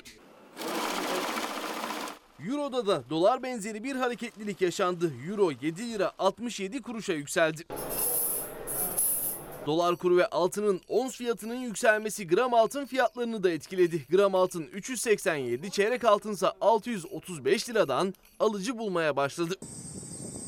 Haftalardır düşüşte olan ham petrol fiyatları da yeniden yükselişe geçti. Varili 20 dolara kadar düşen Brent türü ham petrol fiyatı 30 dolara çıktı. Dolar kurunun da yükselmesiyle Türkiye'de tüketiciye zam olarak döndü o artış. Benzinin litre fiyatına önce 7 ardından 5 kuruş zam geldi. İstanbul'da geçtiğimiz haftalarda 5 liranın altını gören benzinin litresi 5 lira 31 kuruşa çıktı. Benzin Ankara'da ortalama 5 lira 45 kuruş, İzmir'de ise ortalama 5 lira 48 kuruştan satılıyor. Yerel gazetelerden 3 gazetem kalmıştı. Yanılmıyorsam Alanya gazetesi kaldı, Urfa gazetesi kaldı. Bir de neresi? Edirne. Edirne kalmıştı. Onları günün fotoğrafını göstereyim. Az evvelki klibimizden sonra bir haber kaynağım dedi ki abi fotoğraf yollayacağım sana dedi. Bakın bakar mısınız? İlk defa Çalar Saat'te görüyorsunuz. CHP lideri Kılıçdaroğlu bugün bakın Deniz Gezmiş'in mezarına gitmiş ve işte karanfiller bırakmış oraya. İşte ilk defa hatta bunu biraz sonra ben sizlere göstereyim detaylı olarak bakalım. Ne var şurada? Bilgisi de var mı? Şöyle bir bakalım. Abi günaydın iyi yayınlar klibini izledim. Sana göndermek istedim diyor. Günün fotoğrafı CHP lideri Kılıçdaroğlu Deniz Gezmiş'i bu sabah mezarı başında andı. İlk defa Çalar Saat'te bu fotoğrafı görmüş oldunuz. Hemen yönetmenimden rica edeyim Savaş'tan o fotoğrafı biraz sonra ekrana da getirelim efendim. Analizden geçelim bir güne. Bir günde bir detay. Emeğimizi oyuncağınız yapamazsınız. Üniversite sınavına hazırlanan 2,5 milyona yakın öğrenci sınava 82 gün kala bir anda 54 gün kaldığını öğrendi. Öğrenciler, veliler tepkili diyor. Bir sonraki manşete geçelim bir günden. Milli Gazete gelecek. Alo iş var mı? Salgın döneminde işsiz kalanlar bakanlığı çağrı yağmuruna tuttu. İşkur'a gelen çağrı sayısı %417 arttı. Bünyamin Güler'in haberi Milli Gazete'nin manşetinde. Bir sonraki gazetemize geçelim. Bugün de 16 gazetenin manşetini sizlere sunmuş oldum. Fransa'dan PKK-YPG girişimi. Terör örgütü YPG-PKK, Kuzey Irak'taki peşmergelerin dönüşüne yanaşmazken Fransa-Suriye Kürt Ulusal Konseyi ile örgüt arasındaki anlaşmazlığın çözülmesi için büyük çaba sarf ediyor diyor. Neçirvan Barzani'nin de bir fotoğrafı yer alıyor Yeni Birlik gazetesinde. Bir de şimdi tabii zorlu bir zamanlardan geçiyoruz ya işte farklı belediye başkanları da farklı kampanyalar düzenliyorlar. Çünkü onlar vatandaşa ulaşmak istiyorlar. İşsizlik var, yoksulluk var ve vatandaşa yardımcı olmak istiyorlar. Ankara Belediye Başkanı askıdaki fatura gibi bir uygulama başlatmıştı. Veresiye defterlerini hayırseverlerin alması, borcu ödemesi ve o vatandaşlarımızın da borçsuz kalmasına dairdi bu. Şimdi İstanbul Büyükşehir Belediye Başkanı Ekrem İmamoğlu da askıda fatura uygulaması başlattı. Bunun detayları hazır mı Savaş? İzleyelim bakalım. Kıymetli vatandaşlarımız, değerli hemşerilerim, küresel salgın sadece sağlık problemleri değil, beraberinde çok ciddi ekonomik sorunları da getirdi ne yazık ki. İstanbul'da hayatını günlük gelirle kazanan milyonlarca insan neredeyse iki aydır çalışamıyor. Evlerine ekmek getiremiyorlar. Hayat her geçen gün zorlaşıyor. Bu tablo bize dayanışmayı daha da güçlendirmemiz gerektiğini gösteriyor. Belediyemiz olarak her gün on binlerce aileye gıda yardımı, alışveriş kartı yardımı ve nakdi destek vermeye devam ediyoruz. Ama hayat bunlarla sınırlı değil. Vatandaşların gelir kaybı nedeniyle ödenemeyen faturaları da var. Pandemi süreci nedeniyle İstanbul'da 3 ay boyunca su faturası ödemeleri ertelendi. Ancak 3 ay sonra bu faturalar mevcut faturalarla birlikte ödenecek. Yani birikmiş bir borç olarak ihtiyaç sahiplerini zorlayacak. Doğalgazda ise yasa olarak fatura ertelemesi ne yazık ki yapılamadı. Belediyemiz olarak bu zor günlerde ihtiyaç sahibi ailelerle dayanışmayı arttırmak adına yeni bir adım daha atıyoruz. Bu süreçte çok sayıda vatandaşımız dayanışma duygusuyla bizimle iletişime geçiyor ve ekonomik olarak zor durumda olan vatandaşlarımıza destekte bulunmak istediğini paylaşıyor. Ben ne yapabilirim diye soruyorlar. Şimdi aylık faturalarını ödemekte zorlanan ihtiyaç sahipleriyle bu ihtiyaçları onlar adına gidermek isteyen hayırsever vatandaşlarımızı bir araya getiriyoruz. Askıda fatura kampanyamızı başlatıyoruz. Kampanyanın ayrıntılarını belediyemizin sitesi ibb.gov.tr adresinden öğrenebilirsiniz. mübarek Ramazan ayında ihtiyaç sahibi olduğu kanıtlanmış ailelerin su ya da doğalgaz faturasını ödemek, ödemek isteyen hayırsever vatandaşlarımızı kampanyamıza güçlü bir desteğe yürekten davet ediyor. Tam siz bu haberi izlerken editörüm Zeray da beni uyardı. Savaş söyle bakalım neymiş son dakika? EPDK'dan yani Enerji Piyasası Düzenleme Kurulu'ndan İGDAŞ'a soruşturma. Yüksek faturalar nedeniyle. EPDK'dan İGDAŞ'a soruşturma yüksek Ama bunun daha bence açıklığa kavuşması gerekiyor. Ne oldu? Vatandaşlardan gelen şikayetler üzerine diye bilgi veriyor arkadaşlarım. Demek ki yarın sabaha ana gündem maddelerinden birisi de bu olacak diyelim şimdiden. E EPDK'dan İGDAŞ'a faturalar konusunda bir soruşturma başlatılmış. Bugün yayından sonraki ana gündem maddelerimizden birisi bu olacaktır. Ha tabii ki akşam Doğan Şentürk'ün yönettiği Fox Ana Haber'de de bence bu önemli gündem maddelerinden birisi olacaktır. Kesinlikle buna adım kadar eminim efendim. En son Elazığ Fırat gazetesinde kalmıştık. Sırada Edirne Hudut manşeti. Kakava ateşi sönmedi. Koronanın ateşi Kakava'nın ateşini söndürmeye yetmedi. Tabii koronavirüs günlerinde olduğumuz için. Olgay Güler'in bir fotoğrafı da yine birinci sayfada var haberi. Bunun haberini en sona sakladık efendim. Çünkü Hıdrı İlez'de biliyorsunuz dualar ettik, dilekler tuttuk öyle değil mi? Ve Edirne'den Urfa'ya geçelim. Urfanatik çiftçiyi koronadan sonra dolu vurdu. Tarımın başkentinde %100 zarar diyor. Özel bir haber dikkatlerimizi çekiyor Urfanatik gazetesinde. Geçelim bir sonraki manşete. Alanya gazetesi turizme ilişkin bir detay bir manşetlerde. Alanyalı Dışişleri Bakanı Mevlüt Çavuşoğlu ve Turizm Bakanı Mehmet Ersoy Alanya'ya bağlandı. Bakanlara Alanya'nın sorun, öneri ve talepleri aktarıldı. Bence bu da önemli. Çünkü efendim bakın bazen tartışmalar oluyor. Şunu da söylemek isterim. Turizm bu ülkenin can damarı. Yalnızca 4 milyon insan geçimini oradan sağlıyor değil. Bir bacasız sanayi. Onun da ötesinde. Çiftçilerimizden esnafımıza kadar o kadar geniş bir kesimi etkiliyor ve ilgilendiriyor ki turizme gözümüzün nuru gibi bakmamız gerekiyor. Çok önemli bir hassasiyet içerisinde olmamız gerekiyor. Bunu da yeri gelmişken sizlere aktarmak istedim. Bugünlerde hani dün çocuklarımız kaygılıydı ve Ankara'dan bir eğitimci yayınımıza bağlanmıştı mesajıyla. Ahmet Hançerlioğulları. Çocuklar moralinizi bozmayın. Konsantrasyonunuz bozulmasın. Takvim değişikliği canınızı sıkmış olabilir ama önemli değil. Sonuçta hepiniz aynı şekilde sınava gireceksiniz. Şimdi sakin sakin stresi üzerinizden atarak odaklanın demişti ya Ahmet hocamız. Bir eğitimciye daha ulaştım. Umut Esen. Bakın çocuklarımız için neler söylüyor. Yaşanan tüm bu olumsuzluklar elbette ki gençlerimizi umutsuzluğa sürüklememeli. Peki neler yapmalı gençlerimiz? Ee, bir, bir defa artık sınav tarihi net. Ee, sınavın ne zaman olacağı belli. Belirsizlik ortadan kalktı. Dolayısıyla şu andan itibaren kafanız rahat bir şekilde planlayarak çalışmanız lazım. Çok çalışmak değil, planlı çalışmak önemli. Zaten iyi olduğunuz derslerde, çok iyi yapabildiğiniz konulardan test çözmenin hiç kimseye bir faydası yok. Zorlandığınız, e, sizi eksik olduğunuzu hissettiren konuların üzerine gitmek, kazanım konularını açarak oradan neleri yapmanız gerektiğini bularak onların üzerine gitmek gerekiyor.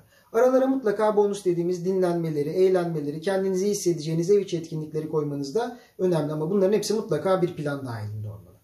Eğer mental bir yorgunluk yaşıyorsanız ya da bir motivasyon eksikliği hissediyorsanız ki bu dönemde, bu şartlarda bu çok normaldir. Durun ve farklı şekilde yapmayı deneyin. Uzun zamandır doğru sandığınız yöntemleri değiştirmekten çekinmeyin. Odanızda çalışamıyorsanız salon masasını deneyin. Gece yerine bu kez sabah erken çalışın. Yöntemler konusunda da açık fikirli olun. Mesela iki farklı yöntem önereceğim sizlere. Bir, Pomodoro tekniği diye bir teknik. Bir defa yapılan bütün araştırmalar insanın bir işe en fazla 25 dakika boyunca odaklı kalabildiğini gösteriyor. Üstelik saatler boyu çalışmak üzere bir masaya oturmak genellikle öğrencilere zor gelebiliyor. Pomodoro tekniği bu ikisinin panzehiri. 25 dakika için masaya oturuyorsunuz. Her 25 dakikada 5 dakikalık ara veriyorsunuz. 30 dakikalık bir şablon. Bunu 4 ile çarptığımız zaman 4 Pomodoro ediyor.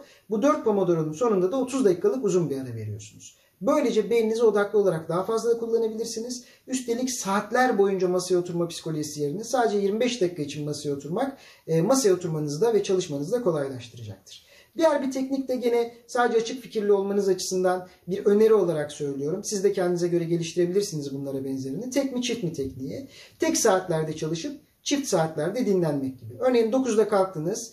E, ilk önce dinleniyorsunuz, kahvaltı ediyorsunuz. Tek saat. Çift saatte yani 10'da çalışmaya başladınız. Ama gözünüz korkmasın 11'e kadar. Çünkü 11 gene tek saat ve dinlenme saatiniz. Böylelikle bir saat çalışıp bir saat dinlenmek de size iyi gelebilir ama en iyi tekniği kendinizle ilgili kendiniz bulacaksınız. Siz de olumlu düşüncenin gücünü kullanın ve kendinize inanın. O anın hayalini kurun. Sınavın çok iyi geçtiğini, başardığınızı, bütün emeklerin karşılığınızı alacağınız konusunda kendinize inanın. Umut Esen'in başka bazı tavsiyeleri de var. Onu da yarına bıraktık efendim. Onu da söyleyelim. Ayşın Ceyhan ağlayarak izledim. Bir insanın devletinin yanında olduğunu hissetmesi ne kadar güzel. Aracı olduğunuz için size de teşekkür. Biz Sağlık Bakanı'na ve devletimize teşekkür ediyoruz. Bir başkası turizm için ha, spa merkezleri, dinlenme merkezleri ve spor salonlarının da açılması gerekiyor diyor Cihan kardeşim. Onu söylüyor. Bu arada İstanbul Büyükşehir Belediyesi'nin askıda fatura uygulaması hemen açıldı. Hemen ilk etapta daha birkaç dakika içinde 52 bin liralık fatura ödendi. Bakın 52 bin liralık fatura kim bilir kaç kişinin faturası ödenmiş oldu. Demek ki hızlı ve güzel başladı. Belediyelerimizin böylesine vatandaşa yardımcı olacak sosyal uygulamalara aracılık etmesini memnuniyetle karşılıyorum efendim. Gelibolu Sesleniş. Serdar Öztürk'ten gelen bir kitap. Bu arada saatler 10.25 oldu. Ve yeni bir kitap Doktor Hasan Akyüz yazmış. Peki sırada Türkiye'de 5 Mayıs'tan 6 Mayıs'a geçerken koronavirüsle mücadelede neler yaşandı ama daha çok renkli ve daha anlamlı, daha farklı husus ve detaylarıyla şimdi huzurlarınızda. Bütün ışıkları görmek istiyoruz. Bütün ışıklar. Lütfen kurallara uyalım. Sosyal mesafeye lütfen dikkat edelim. Duyarlı olalım. Çarşı pazardan kalabalık görüntüler gelmeye devam ediyor. Sosyal mesafe konusunda zabıta görevlileri sık sık uyarı ve denetim yapıyor. Maskesiz, eldivensiz satış yapmıyoruz. Maskesiz, eldivensiz satış yapmıyoruz. Kalabalık pazar görüntüsü İstanbul Esenler'de çekildi. Pazarın dar sokaklarını dolduran vatandaşlar sosyal mesafe kuralını hiçe saydı. Lütfen sosyal mesafeye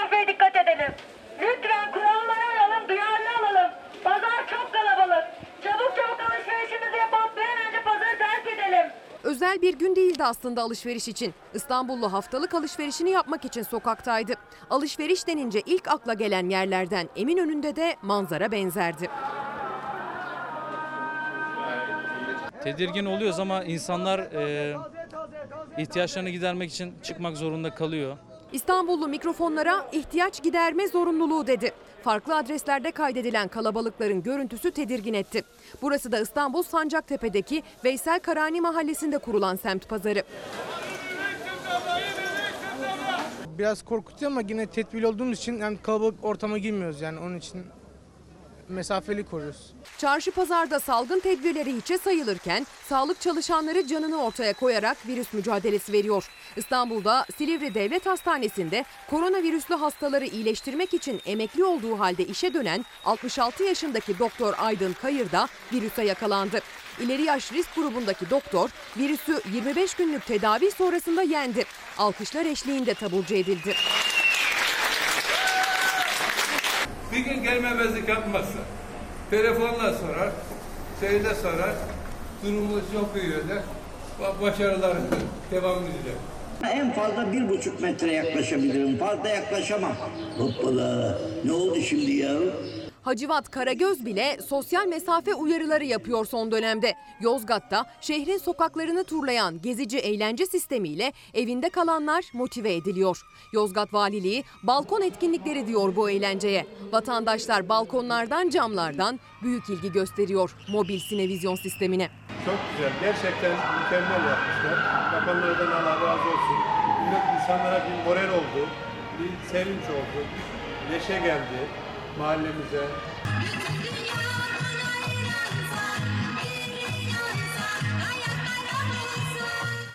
Bu İstanbul Belediyesi'nin fatura meselesiyle ilgili bakın Levent Özvarnalı ve Nazan Hanım diyor ki aynı mesajı yazdılar. Askıda fatura sisteminde biz de karınca kararınca bazı faturaları ödemek istedik.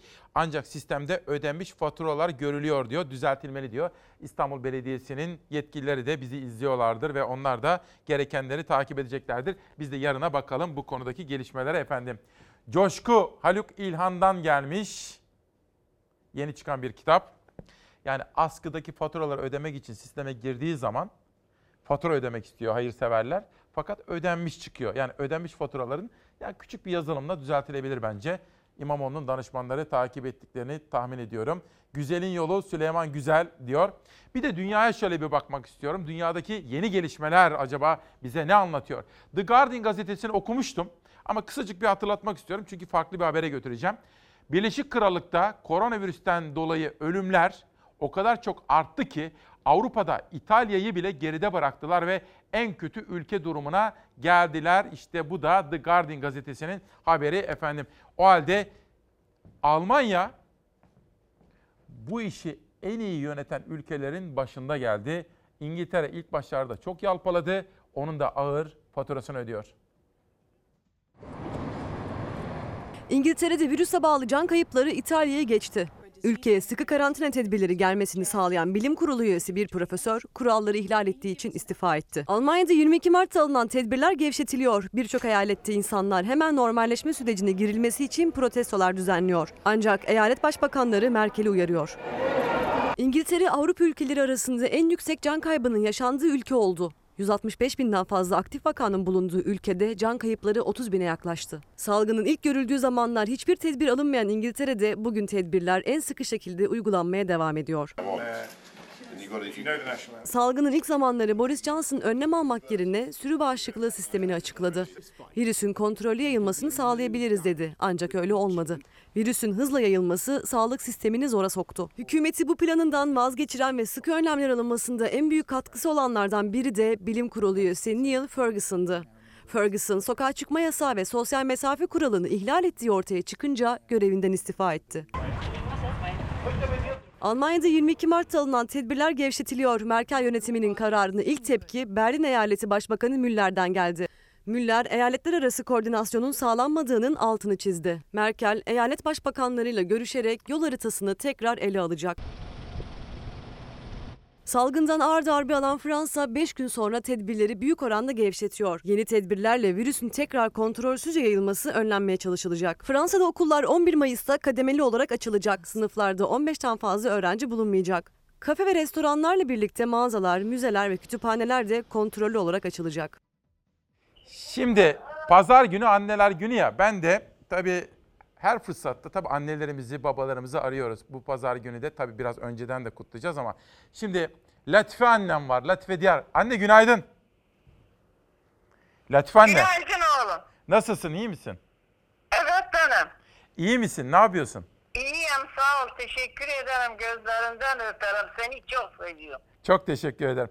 Nasıl gidiyor annem? Evdesin değil mi? Dinleniyorsun. Evdeyim oğlum evdeyim hiç senin e, şeyini dinledim sözünü dinledim hiç çıkmıyor. Çünkü ben böyle sevgili izleyenler böyle arıyorum anne. Her gün birkaç anne. İşte bazen Afife anne, bir- bazen Latife anne, bazen Ayşe anne, kendi annem. Latife anne nasıl gidiyor günler peki evde? E, çok güzel gidiyor oğlum bahçe vardır ba- bazı bahçeye çıkıyor. Evet. E, Peki çok sabahları güzel ne yapıyorsun? Sabahları? Sabahları ne yapıyorsun? Sabahları? Sabahları e, İsmail Küçükkaya'yı seyrediyor. Kaç evet kaçta kalktın bu sabah annem? Latife anne. Ben beşten kalkıyorum oğlum. Beşte Evet. kalkıyorum. E, İsmail Küçükkaya'yı e, ne zaman çıktıysa o zaman seyrediyorum. Ta e, e, saat 10 10 e, 45'e. 55'ten bitiyor. Ben de daha başka e, şeyine bahçeye çıkıyor.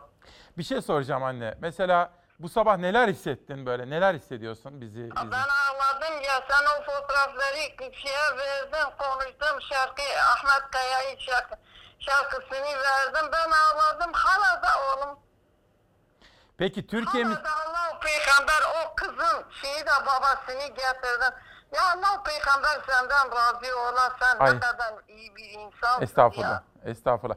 Anne peki bir isteğin, bir ihtiyacın var mı? Hiç ihtiyacım hiç yoktu. İhtiyacım var ki sen yaşa sonsuza kadar mutlu ol. Hep beraber annem. Ellerinden öpüyorum senin. Ben de senin gözlerinden öpüyorum canım benim oğlum. Güz- görüşmek üzere. Hadi Allah'a emanet ol. Sağ olun. Teşekkür ediyorum. Sağ olun. Sağ olun. Sağ olun. Şimdi az evvel Osman Bey diye bir arkadaş sormuştu da kendi annen ne yapıyor diye. Şimdi bakın o bir sembol. Önemli olan büyüklerimizi her birimizin hatırlaması, hallerini, hatırlarını sorması, ihtiyaçları var mı onları sorması. Biraz evvel bir soru gelmişti. Ben de bir örnek olsun istedim. İşte böyle ayakta duruyoruz. Şimdi hassasiyet bekliyoruz. Bugün bugün saat 14'te Türkiye Futbol Federasyon Başkanı Nihat Özdemir bir açıklama yapacak. Çünkü dün bir zirve düzenledi. Sağlık Bakanı Fahrettin Koca ile Federasyon Başkanı Özdemir bir araya geldi. Bu ligler nasıl tamamlanacak? Milyonlarca insan bu sorunun yanıtını arıyor.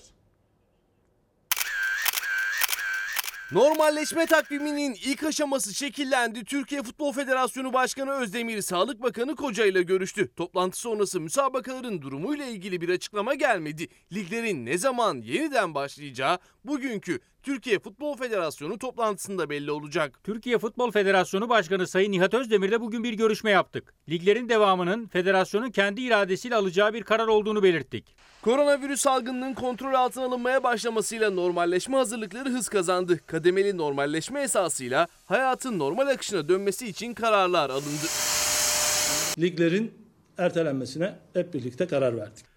Koronavirüs nedeniyle Mart ayının 3. haftasında Türkiye'de ligler ertelendi. Normalleşme ile birlikte liglerin ne zaman açılacağı merak konusu oldu. Dün Sağlık Bakanı Fahrettin Koca, Türkiye Futbol Federasyonu Başkanı Nihat Özdemir'i kabul etti. İki isim yaşanan süreç konusunda bilgi alışverişinde bulundu. Görüşme sonrası Sağlık Bakanı Fahrettin Koca sosyal medya hesabından paylaştığı mesajla liglerin devamı federasyonun kendi iradesiyle alacağı karardır dedi. Futbol severlere de teşekkür etti. Salgında futbol coşkusunu erteleyen ve hayatta artık oyunun bazı kurallarının değiştiğini gösteren futbol severlere sevgilerimi sunuyorum. Liglerin durumuyla ilgili bugün Türkiye Futbol Federasyonu Yönetim Kurulu toplanacak. Toplantının ardından saat 14'te Başkan Nihat Özdemir bir açıklama yapacak, sürece ilişkin bilgi verecek. Tabii 65 yaş üstündeki büyüklerimiz evlerde. Dolayısıyla onların her zamankinden daha çok muhabbete ihtiyacı var efendim. İsmail Bey yine büyük bir ilgiyle izliyoruz. Seçtiğiniz çok özenli ve yapıcı üslup nedeniyle diyor. Sağ olsun. Özellikle gerginleşen bu günlerde o kadar önemlisiniz ki ve turizmle ilgili sözleriniz de ne kadar güzeldi diyor. Bana bir öneri de bulunmuş. Söylediği isim Türkiye'de turizmi emekçi olarak en iyi bilen isimdir. Bence en iyilerden biri değil, en iyidir.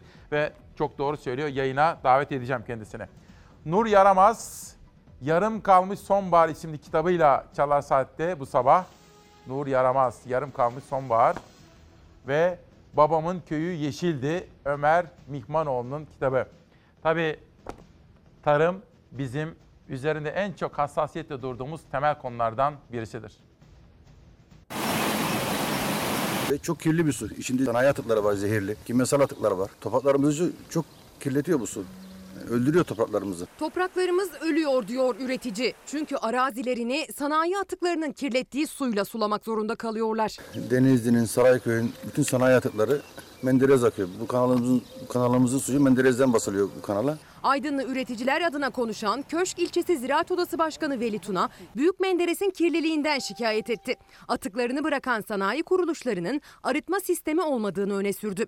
Yetkililere başvurduk ama sonuç alamadık diyen Egeli çiftçiler, Büyük Menderes'in kirli sularından şikayetçi. Sanayiciler çiftçiden daha kuvvetli olduğu için maalesef e, bir ilerleme sağlayamadık. Aynı coğrafyada çiftçilik yapan İzmir'in Tire ilçesinin üreticileri ise çekirge istilasıyla mücadele ediyor. çekirgeler şu arkamızdaki gördüğümüz tepeleri, dağları ve ekili olan arazileri sarmış durumda.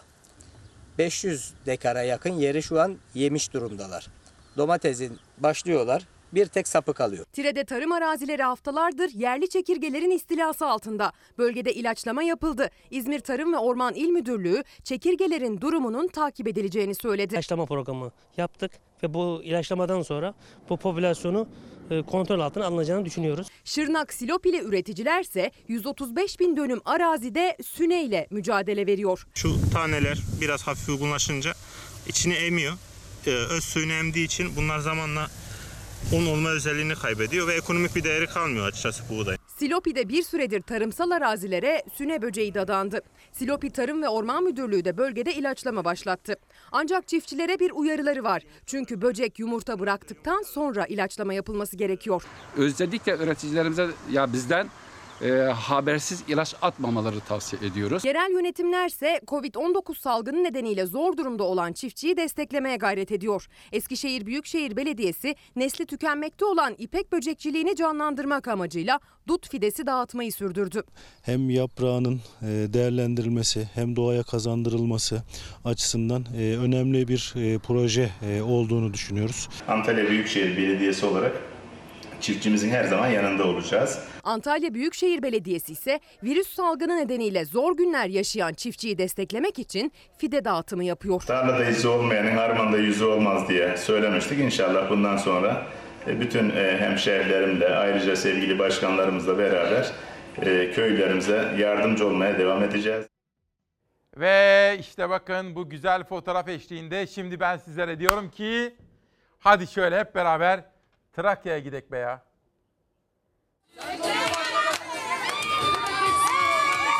Romanların bayramı mutluluk, huzur, sevgi, baharın gelişi. Her yıl binlerce kişinin katılımıyla kutlanırdı Hıdrellez ve Kakava.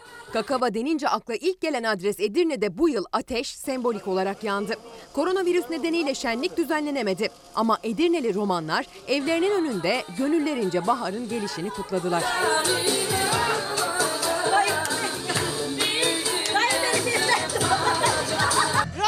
Sıcakkanlı olurlar. İyidirler, bir parça ekmeğilik işle bölüşen insanlardır. Romanlar güzel insanlar, sıcakkanlı. O da bizim başımıza.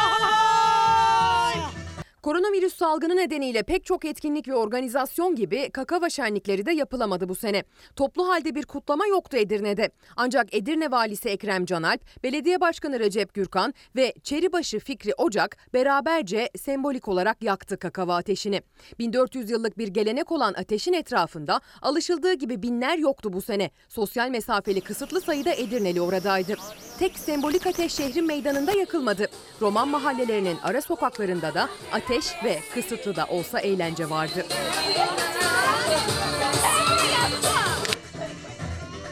Korona bizi bulmaz canım benim, biz fakir insanlarız. Bir akşam öncesine ateş yakıp üstünden atlıyoruz karşılamak için.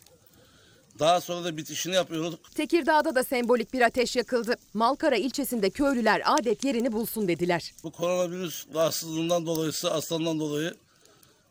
O yüzden bu sene gün olduğumuz için biraz sıkın e, kısıtlı yapalım dedik. Yine adetler yerine gelsin dedik. Bugün romanlar veya çingene toplulukları heyecanı, mutluluğu, sevincini bulduğu bir gündür. Maalesef yaşadığımız son günlerde koronavirüsün etkilerinden dolayı ateşi yakma olanağımız olmadı ama yine heyecanımız, mutluluğumuzu roman mahallelerinde sürdürüyoruz. Murat Açıl diyor ki İmranlı'da korona vakası bugüne kadar sıfır diyor efendim. İmranlı bravo diyoruz. Kıvanç Öktem'in yeni çıkan kitabı Leam gerçekliğinle yüzleşme ve özel fotoğraf İsmail Küçükkaya Çalar Saat'te ilk defa gördünüz. Bugün 6 Mayıs'ta Deniz Gezmişler'in ölüm yıl döneminde CHP lideri Kılıçdaroğlu Deniz Gezmiş'i ölüm yıl döneminde mezarı başında andı ve çiçekler bıraktı efendim. Bu sabahta bizimle birlikte olduğunuz için teşekkür ediyorum. Nebil Özgen Türk'ün anlatımıyla 6 Mayıs'a noktayı beraber koyuyoruz. Yarın 7.45'te görüşene kadar esen kalın, sağlıkla kalın. Deniz Gezmiş Yusuf Aslan. Mahkememiz Türkiye Cumhuriyeti Anayasası'nın tamamını bir kısmını tadil, tebdil veya ilgaya cebren teşebbüs suçunu işlediğinizi sabit gördü. Türk Ceza Kanunu 146. maddesi Taksim 146 Taksim 1 maddesi uyarınca ölüm cezasına tezyinize karar verdi.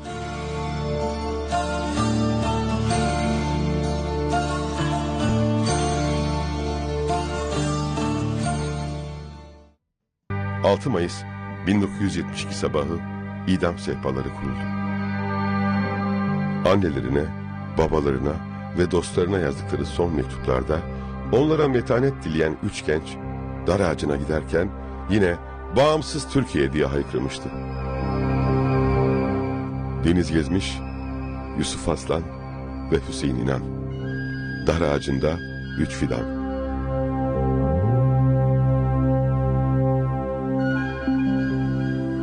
Ulucanlar cezaevi, haksızlığın, hukuksuzluğun ve gaddarlığın mekanı oluvermişti 6 Mayıs'ta. Üç gencecik adam dar ağacına gönderilmişti.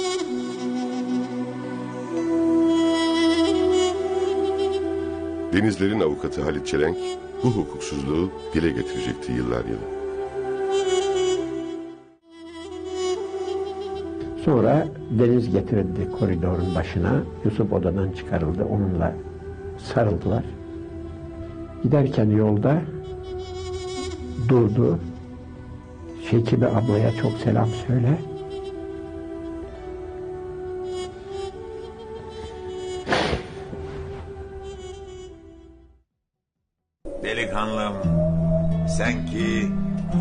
Köşe başında kan sızarak kaşımdan gebereceksin ya da bir dar ağacında can vereceksin.